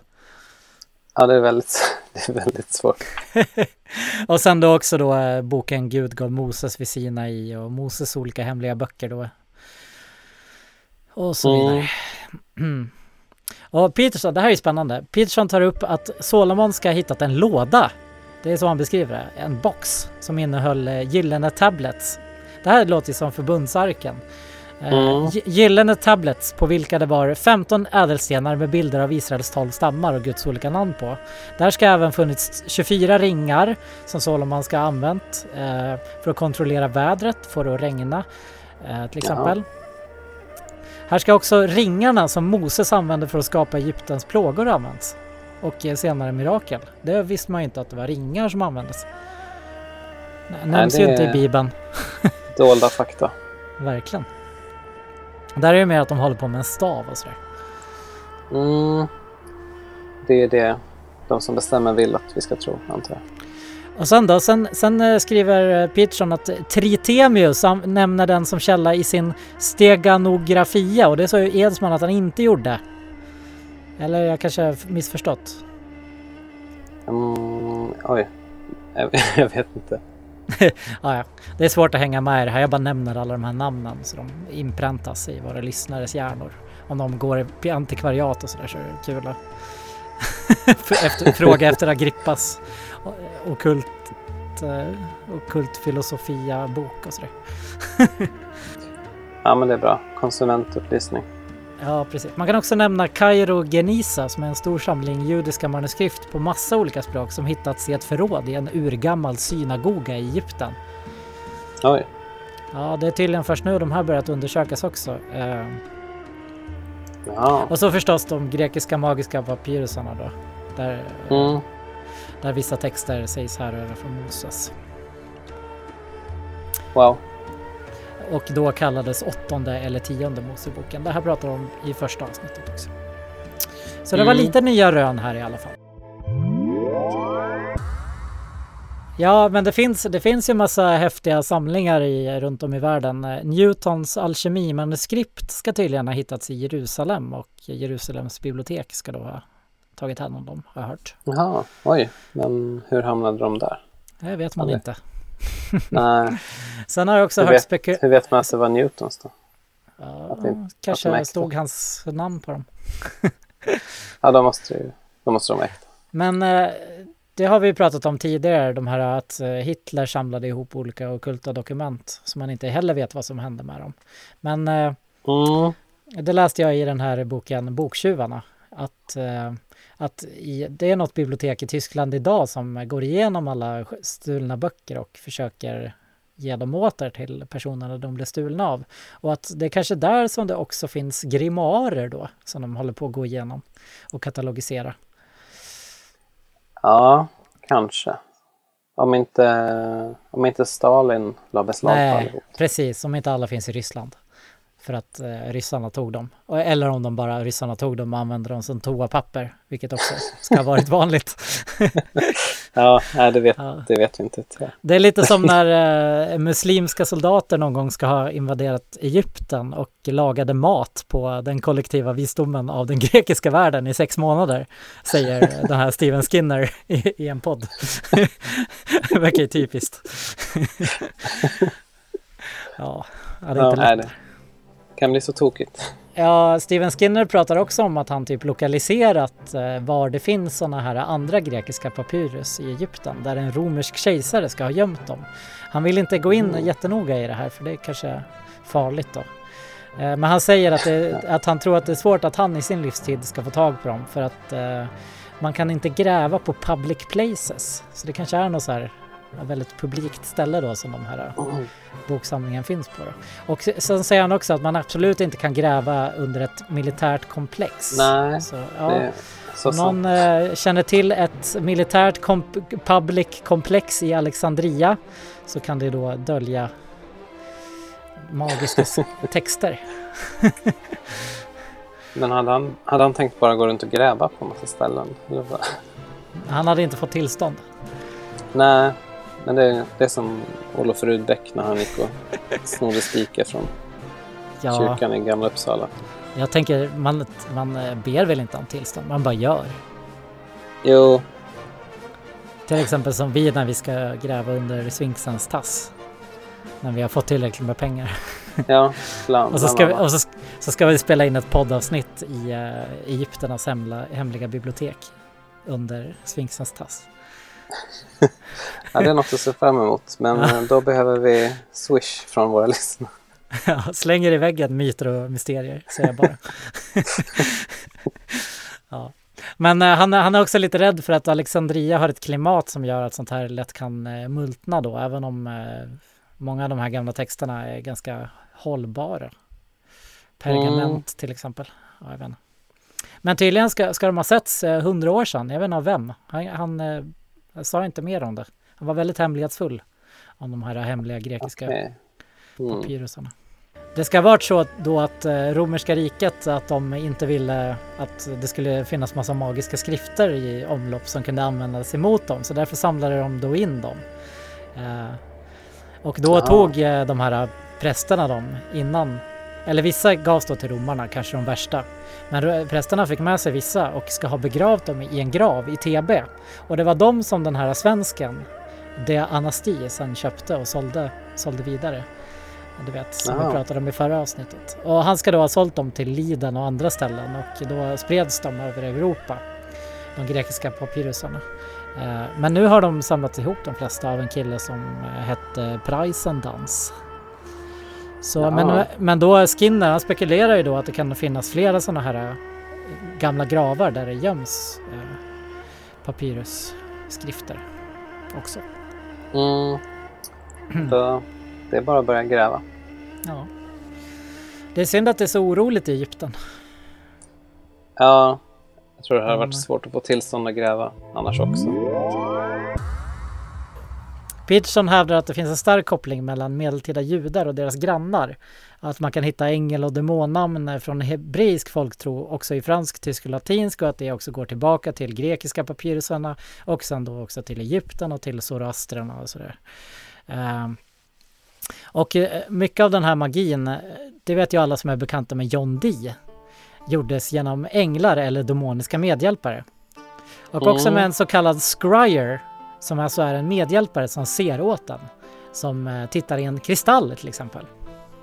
Mhm.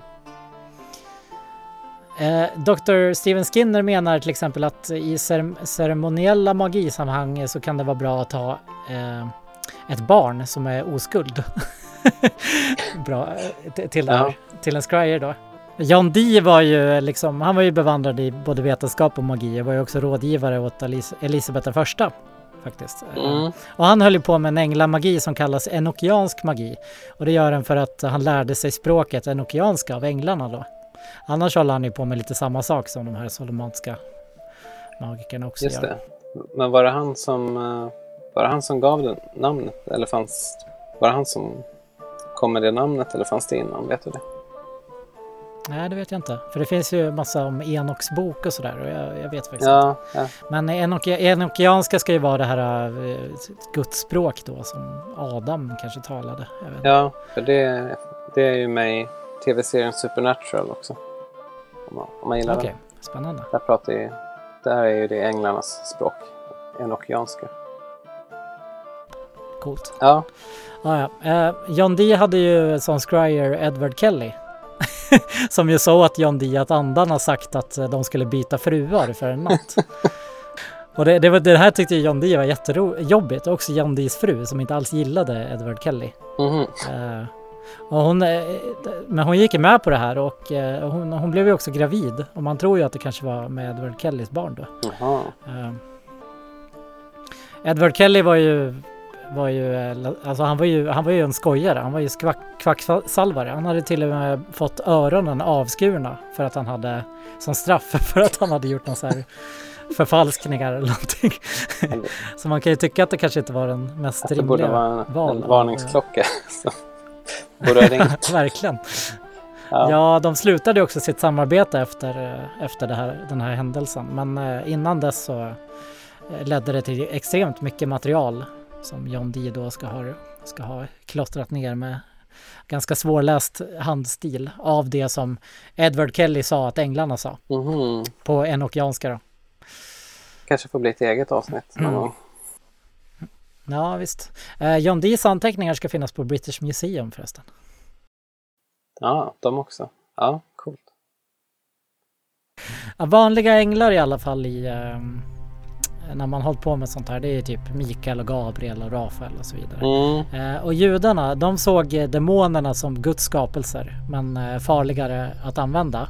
Zoroastrierna ansåg till skillnad från dem att Gud inte skapat demonerna, så då var de ännu svårare att kontrollera. Mhm. Men man använde då amuletter med heliga namn och maktnamn och så vidare för att få kontroll över dem. Namn på demoner kunde det vara, men mäktigast var såklart Guds namn. Mm. Med, med, genom vilket eh, magikerna kunde kontrollera hela skapelsen. Eh, maktordet användes även inom egyptisk, grekisk och talmudsk magi. Och vissa av de här maktorden då i sjätte sjunde Mosebok till exempel, de har ju blivit felöversatta med tiden. Ja. Och Med fe- feltolkningar och så vidare. Men kanske har han fått ihop det rätt nu då. Så om man vill Guds namn kan finnas där på Esoteric Archives. Man kan ju också säga att gester är väldigt sällsynt i sjätte och sjunde Mo- Moseboken och i talmudsk magi i stort. Så det är inte så mycket Harry Potter eller Disney när man trollar då. Ah, nej, Uh, Peterson pratar också om cirklar eh, för att stänga ut onda andar. Det kan vara en enkel linje eller så, kan- som kan, eller så kan den vara liksom jätteavancerad och fylla massa avancerade magiska ord och tecken. Och sen skriver han lite om olika tillvägagångssätt då. Skinner pratar också om det. Han, han menar att eh, man ska dra den här linjen med ett speciellt svärd. Mhm. Och sen tycker han också att man kan ha lejonbälte. Eh, Det är, det är då, det är för att man det är för att lura andarna att man är kung Solomon. Ett lejonbälte? Jag visste inte att de var så lätta. Ja, jag visste inte att, jag visste dels inte att kung Salomon hade ett lejonbälte eller att andarna var så lätta att lura. Nej. Eh, Sk- Sk- Skinner rekommenderar också att man har vita kläder och hatt med Guds namn på så att andarna direkt får respekt för en. Ska det vara en vit hatt också då? Eller? Jag tror det. Jag tror det. Man ska liksom efterlikna lite hur andarna ser ut. Att man är liksom en varelse av ljus kanske. Jaha. Men eh, andarna har kanske lite andra så här. eh, Jag vet inte, de, de eh, får respekt för lite andra saker än vad vi får då. Annan smak helt enkelt. Ja. Ja, precis. Det är också väldigt viktigt att tvätta händerna. Man ska också ha sina magiska böcker på en höjd position. Det hade ju inte jag när jag läste den där formen. Eller min laptop då. och jag hade inte tvättat händerna heller. Oj, oj, här kommer det fram. Och eh, man ska inte använda de här böckerna i orena platser som eh, på toa antar jag. Eller jag vet inte, köket kanske. Mm. Oftast är det inte utskrivet att man måste rena texterna men eh, det här ansågs väl som något alla visste då för. Mm. Och det här, det här kunde innebära, innebära då att man fastade eller att eh, man avstod från sex eller att man undviker orena ting. Och då kan det vara bön eller studerande eller att göra goda handlingar. Jaha. Det var ju spännande. Och det är jättefarligt om man gör något fel. Eh, amulettens innehåll ska skrivas på virgin parchment. Helst av en som är tränad i att skriva tåran på traditionellt papper och bläck. Oj, oj, oj. Ja, var ska man hitta Svårt. en sån då? Får man gå till ortodoxa judarna? Eller? Och fråga om de vill hjälpa till med sjuk skit. Ja, sen ska det vara rådjurspergament. Oj. Eh, kalkonfjäder till penna. Mhm. Eh, rött bläck. Så det var inte duvblod då? Som det, som det var flera som sa där på. Flashback. Eh, ja, sedan är det massa regler för hur bläcket ska vara. Den första engelska översättningen av sjätte och sjunde Moseboken kom till i New York 1880. Ja, sen har den blivit återpublicerad flera gånger också. Och så vidare också här i USA. Symboler har ritats av dåligt och åt fel håll och spegelvänt och passager har censurerats och sådär.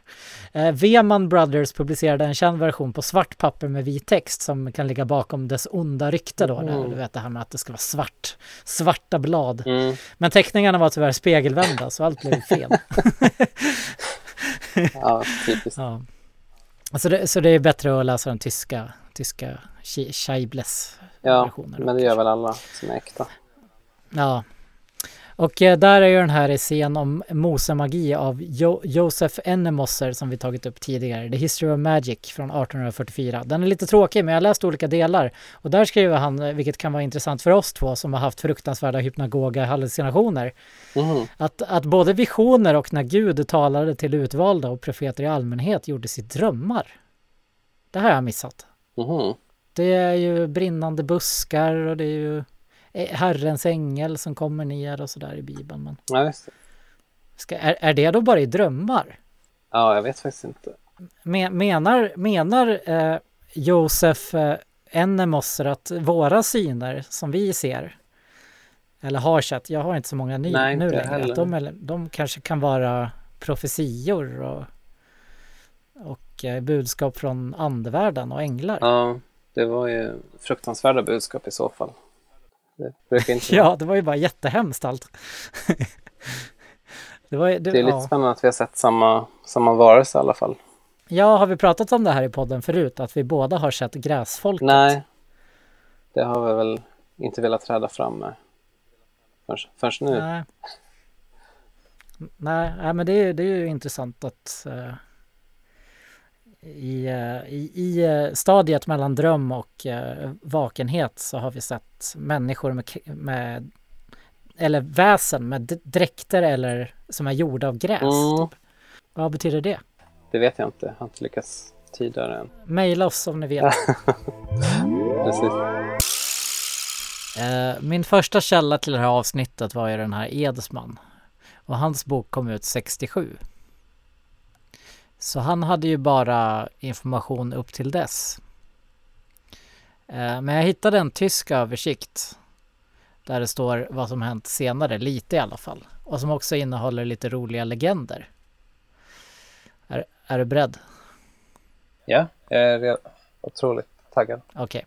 Den första legenden eh, säger att i källaren i den vänstra vingen av Mannheimerpalatset i Tyskland någonstans så visar sig nio säckar med majs tryckta med okända mosetexter varje nyårsafton. Jag vet inte om, om eh, texterna står på säckarna eller om säckarna innehåller okända mosetexter. Nej, Eh, Och de försvinner, de försvinner då klockan ett så man har bara en timme på sig att studera dem då. Eller scanna av dem. okej. Ja, det... ja, låter jättekonstigt. Mm, varning för korrupta pdf-er då. Om man försöker Ja, scanna av den säkert. Jag Skanna en säck, ja. Ja. ja. ja, ja, det blir nog jättesvårt. Just att lägga en säck i skannern också. ja, om, det om de står på säcken så blir det, det blir jättesvårt. Ja, Ja, men det är majs i säcken också, eller? det framgår inte. Det kan bara vara, det kanske finns en viss typ av säck som kallas majssäck. Ja, ja kanske. Ja, och- väldigt kryptiskt. kryptiskt ja. Ja, tyvärr så, den här källan sa också att eh, tyvärr så finns inte magi och häxkonst längre. Eh, för att nu kan inte sjätte och sjunde Moseboken användas alls. De är stängda för Nej. Wittenbergsskolan. Eh, men de, fin- de finns där då fortfarande. Man går inte, det är bara en kuri- kuriositet, går inte att använda. Alltså, är är Wittenbergsskolan stängd? Nej, alltså de här magiska böckerna är stängda för Wittenbergsskolan. Går inte att använda längre, jag vet inte varför. Magin är Jaha. borta. Magin har lämnat världen kanske. Jaha. Hur vet man det här då? Det vet jag inte. det ju väldigt oklar källa det här också. Så jag vet inte vad, Ja. ja. Men, eh, men de menar inte att Wittenbergsskolan är nedlagd? Nej, de menar att man fortfarande kan gå till Wittenbergsskolan och eh, bevittna sjätte Mm. sjunde Moseboken, men bara som en kuriositet. Jaha. Men alltså eh, källa internet. jag trodde Wittenbergsskolan Ja. var också någonting som kunde finnas inte bara i Wittenberg, eller? Nej, jag vet inte. Det kanske är... Nej, då... Ja, den som är i Wittenberg heter väl Wittenbergsskolan? Jo, eller? Jo, jo, så är det väl. Så de är inte tvungna att lägga ner Wittenbergsskolan på grund av nedskärningar eller något sånt? Sviktande elevunderlag? Nej, det får aldrig hända. Vore kul att öppna Wittenberg gymnasiet som en friskola. Skulle det tillåtas då? Enligt rådande eh, friskolelagstiftning. Ja, med Flumskolan. Ja. Det är det satir. Satir här. Ja, verkligen. Men jag ser framför mig eh, kurskatalogen eh, och så här läraröverblick då med djävulen i, eh, som talar ur en marmorbild. Mm. Ja, Också i skolkatalogen. Det är sådana här ursvävningar som gör att avsnitten blir fem timmar långa. jo, det... Det- kan inte hjälpas. Nej, det inte något att göra något åt. Alltså det finns ju väldigt många poddar nu för tiden. Va- Var och varannan person har ju en egen podd. Men vem, vem har en eh, podd där man i fem timmar pratar om sjätte och sjunde Moseboken, undrar jag. Ja, jag känner, jag känner inte till några faktiskt. Nej, Men, jag har inte sett någon heller. Så det men det finns säkert någon, några andra galningar där ute. ja, jag hoppas inte det. För då kan det ju det vara vår USP. Mm. Jo, Ja, Ja. ja. här kommer nästa legend. Eh, en, en Mm. annan legend säger att originalet ska ha tagits till Rom av kejsar Konstantin 330 efter Kristus och getts till påven Sylvester. Eh, och sedan dess har då Vatikanen vakat över den. Det var länge sedan. mhm. Mm. Eh, dock ska alkemisten Paracelsus lyckats få tillgång till innehållet. Och så det kanske är han då som är den som spred den. Du vet, jag har, Ja, ditt eh, smeknamn på Messenger är ju eh, Paracelsus fullständiga namn. Visste du det? Alltså jag har gett, Nej. jag har gett det till dig. Så det, så det heter ju på min eh, Messenger Paracelsus Philippus au, Aureolus Theophrastus Bombastus von Hohenheim. Ja, nej, det visste jag inte alls. Nej. Men eh, här kommer det fram. Ja, nu vet du. Vad är det för sjukt spel du bedriver med mig egentligen? Ja, kan man undra. Ja, men den här eh, texten tar också upp Leiden-papyrusen som den här svensken Diana Sty hade eller sålde till Leiden eller hur det var. Mm. Den här, eh, det, där står det att den här eh, papyrusen är en, är en av de tidigaste bevarade alkemin, kemiska, alkemiska manuskripten då den innehåller kemiska processer. Redan de gamla grekerna alltså Mhm. höll på med alkemi slash kemi. Ja, okej. Mm. Eh, vet man vad det var för... Nej, vilka processer eller vad, vad gjorde de? Oklart. Eh, Mm. Ja, sen är det det vanliga då att eh, det, det var en annons 1797, sen kom Sch- Scheibles välanvända version. Eh, och sen skriver personen då att nutida upplagor är otaliga.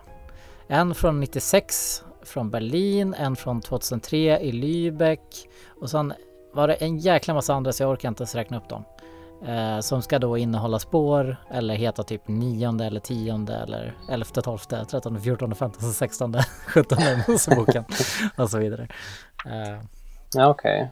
och det var också i den här källan det stod om att eh, flera upplagor är citerade på Darknet. Men eh, På Darknet också? ja, det vet jag tyvärr inte. Jag, jag vet inte hur man kommer in på Darknet. Man måste ha någon browser och sådär, va? Ja, du får boka tid på biblioteket för en datahjälp. ja. Eh, handledning i Darknet. Darknet-körkort. Men eh, man kanske också kan fråga andarna då hur, hur man kommer in på Darknet. Om man lyckas upprätta kontakt. Eh, ja, hur skulle andarna veta det? Är inte det bara jättegamla andar? ja, de måste också ta en eh, kurs i hur man får Darknet. Ja, Körkort. om, om, inte någon, om inte någon råkar få in dem i datorn på, på något sätt. Ja, alltså jag, man, man skulle ju kunna hoppas att andarna är lite så allvetande, men samtidigt kunde man ju lura andarna genom att ha ett bälte av uh, lejonskinn. Så ja, det är just det. oklart. Väldigt oklart. Mm. Den här Joseph Peterson, han pratar också om hur han haft stor hjälp av Yahoo Sixth and Seventh Books of Moses Group. Yahoo-grupper, det var länge sedan man hörde om det. Ja, Ja. verkligen. Är det Darknet? Det är väl ja, senior Darknet kanske. Ja, och i det magiska communityt idag så pratar de ofta om en stängd Facebookgrupp då som är för Salomonsk magi där de ut, byter erfarenheter och tips på hur man bäst får kontakt med änglar och andar och demoner. Mhm. På Facebook alltså, det var ju djärvt. Ja, så då kommer Zuckerberg ha samlat på sig all, Mm, alla hemligheter. Precis. Zuckerberg är liksom eh, den samtida eh, grimoire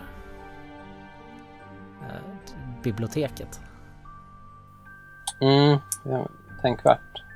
Eh, förlåt förresten, för jag har nog sagt eh, Salomonsk magi på tusen olika sätt för att jag hela tiden blandar, blandar ihop hur man säger eh, kung Salomo på svenska och på engelska. Men man förstår väl vad jag menar?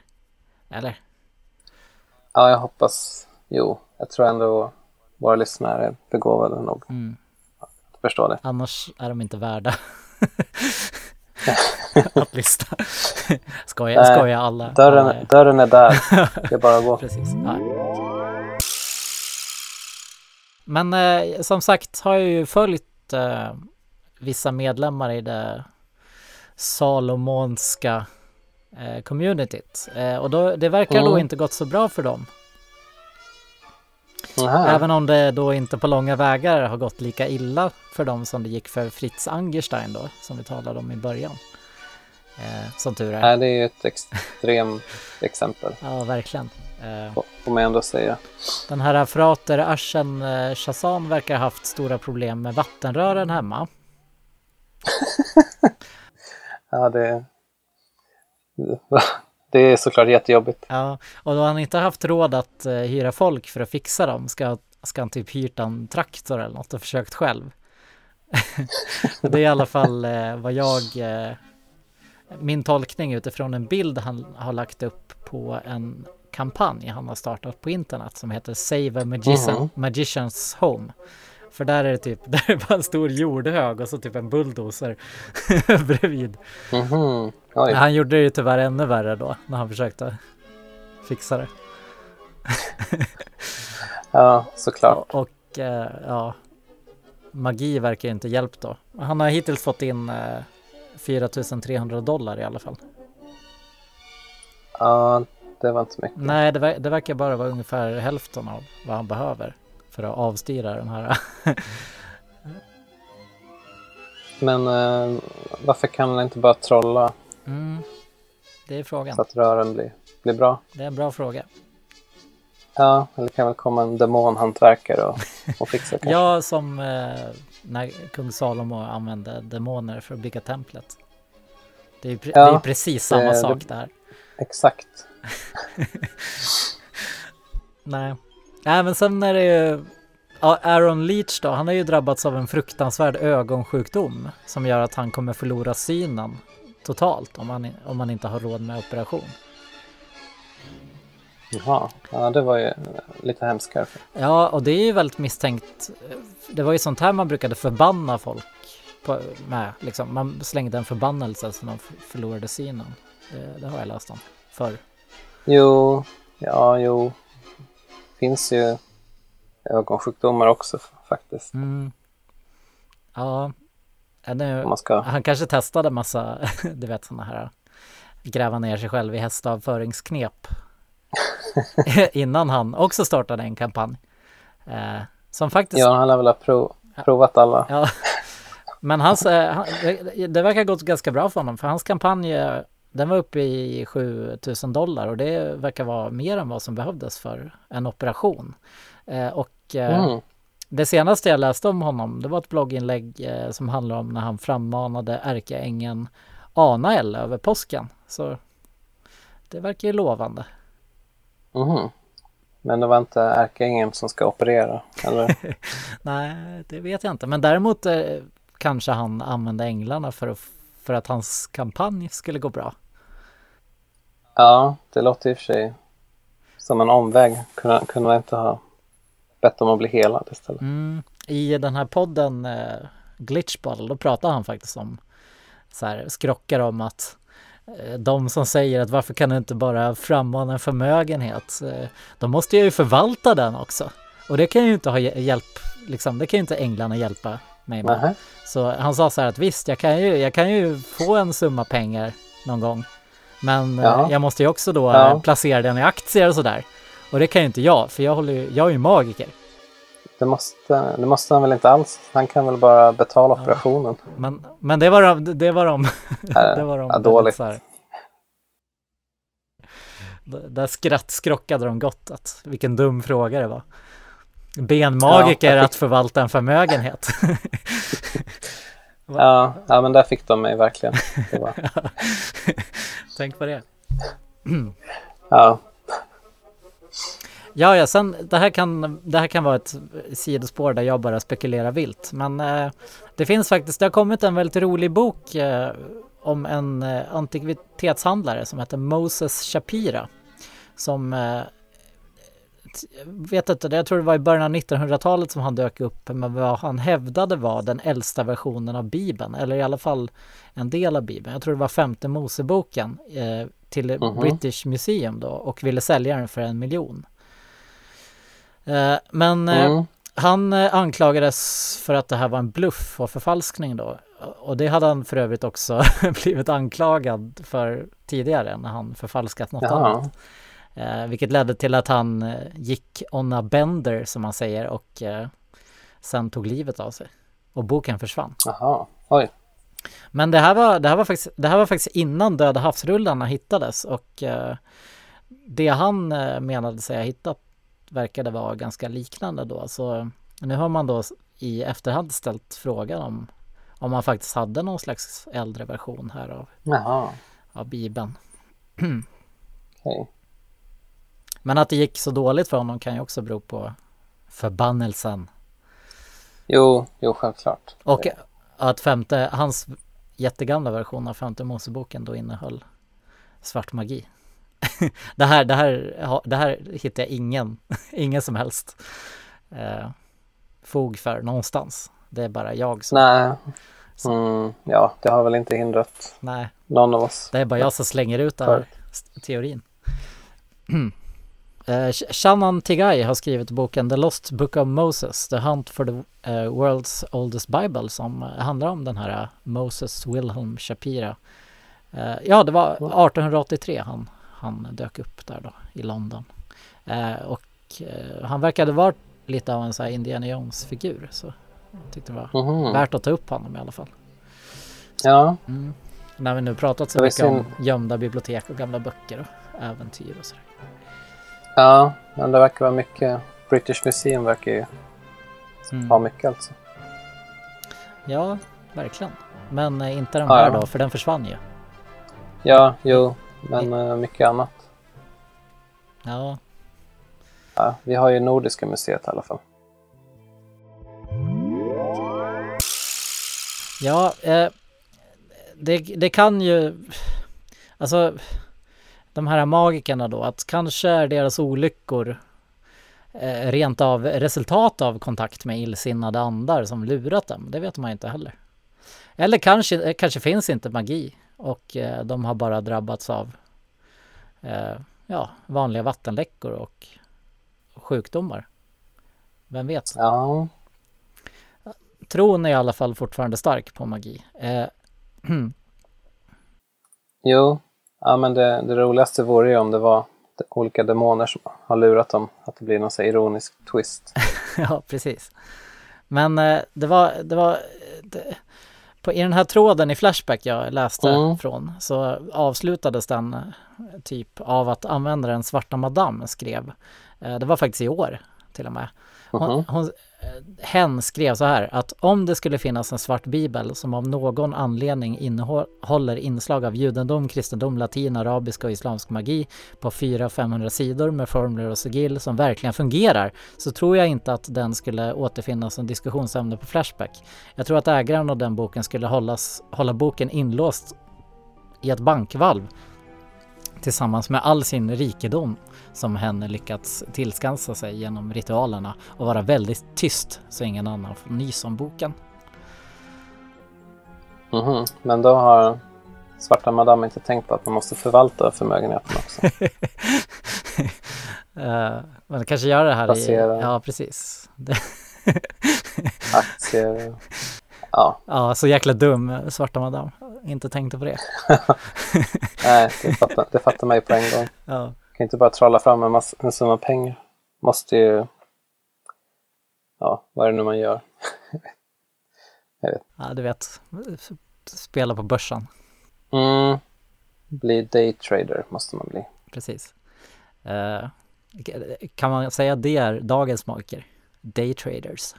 Ja, det kan man. Skapar, skapar, skapar pengar av inget. Precis som vårt banksystem. Ja, Som, dagens alkemister. ja det, det, det var bra. Mm. Jag fick till det. Ja. Ja, ja, men eh, både Steven Skinner och Joseph Peterson säger att när de började forska i magiska böcker, då var det ju skitsvårt det- på 70-talet liksom.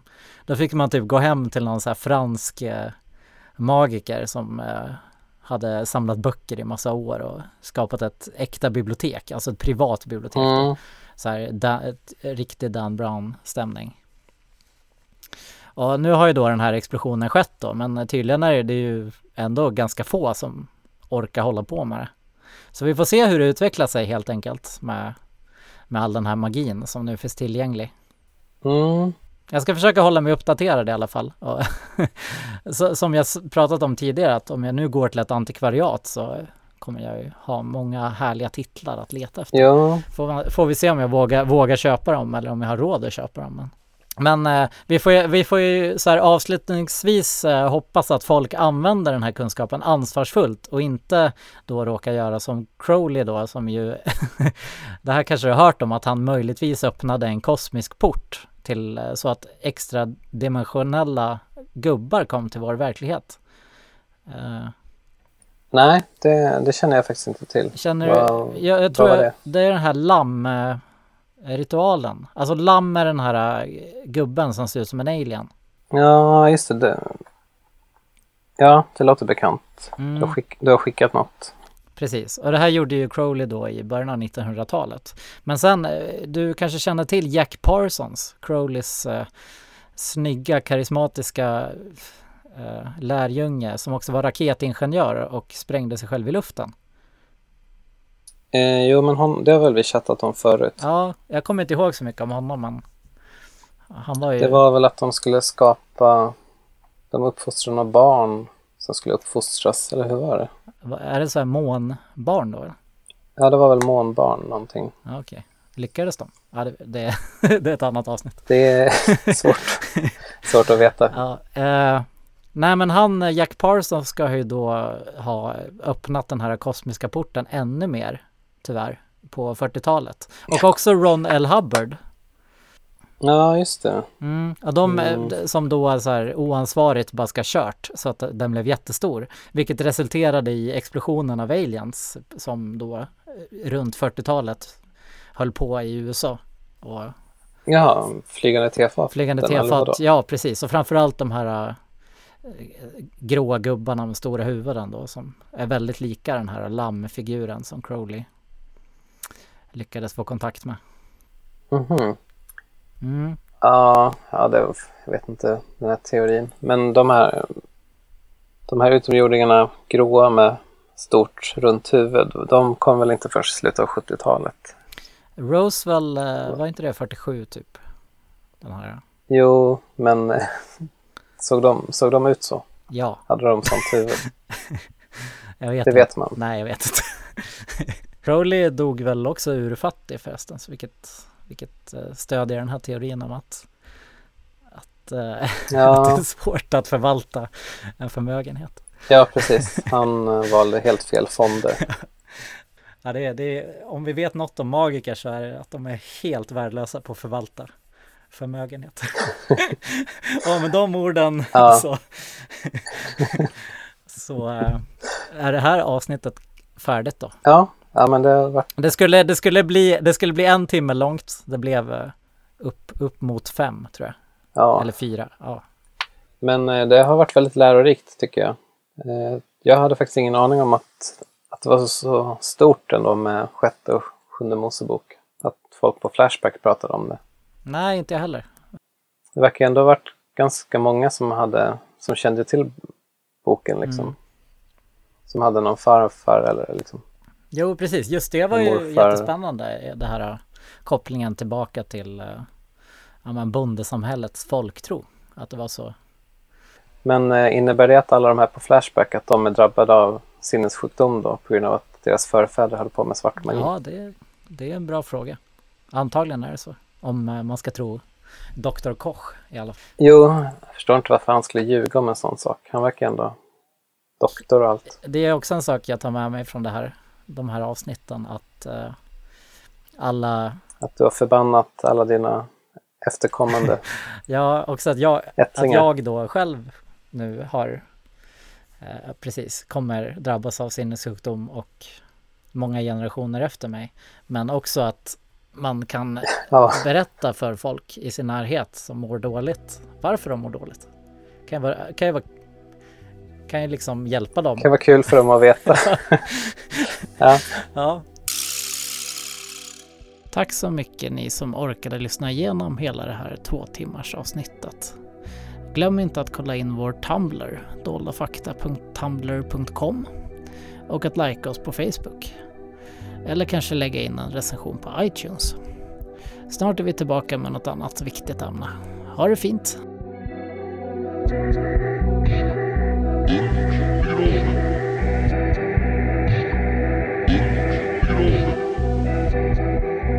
din, din, din.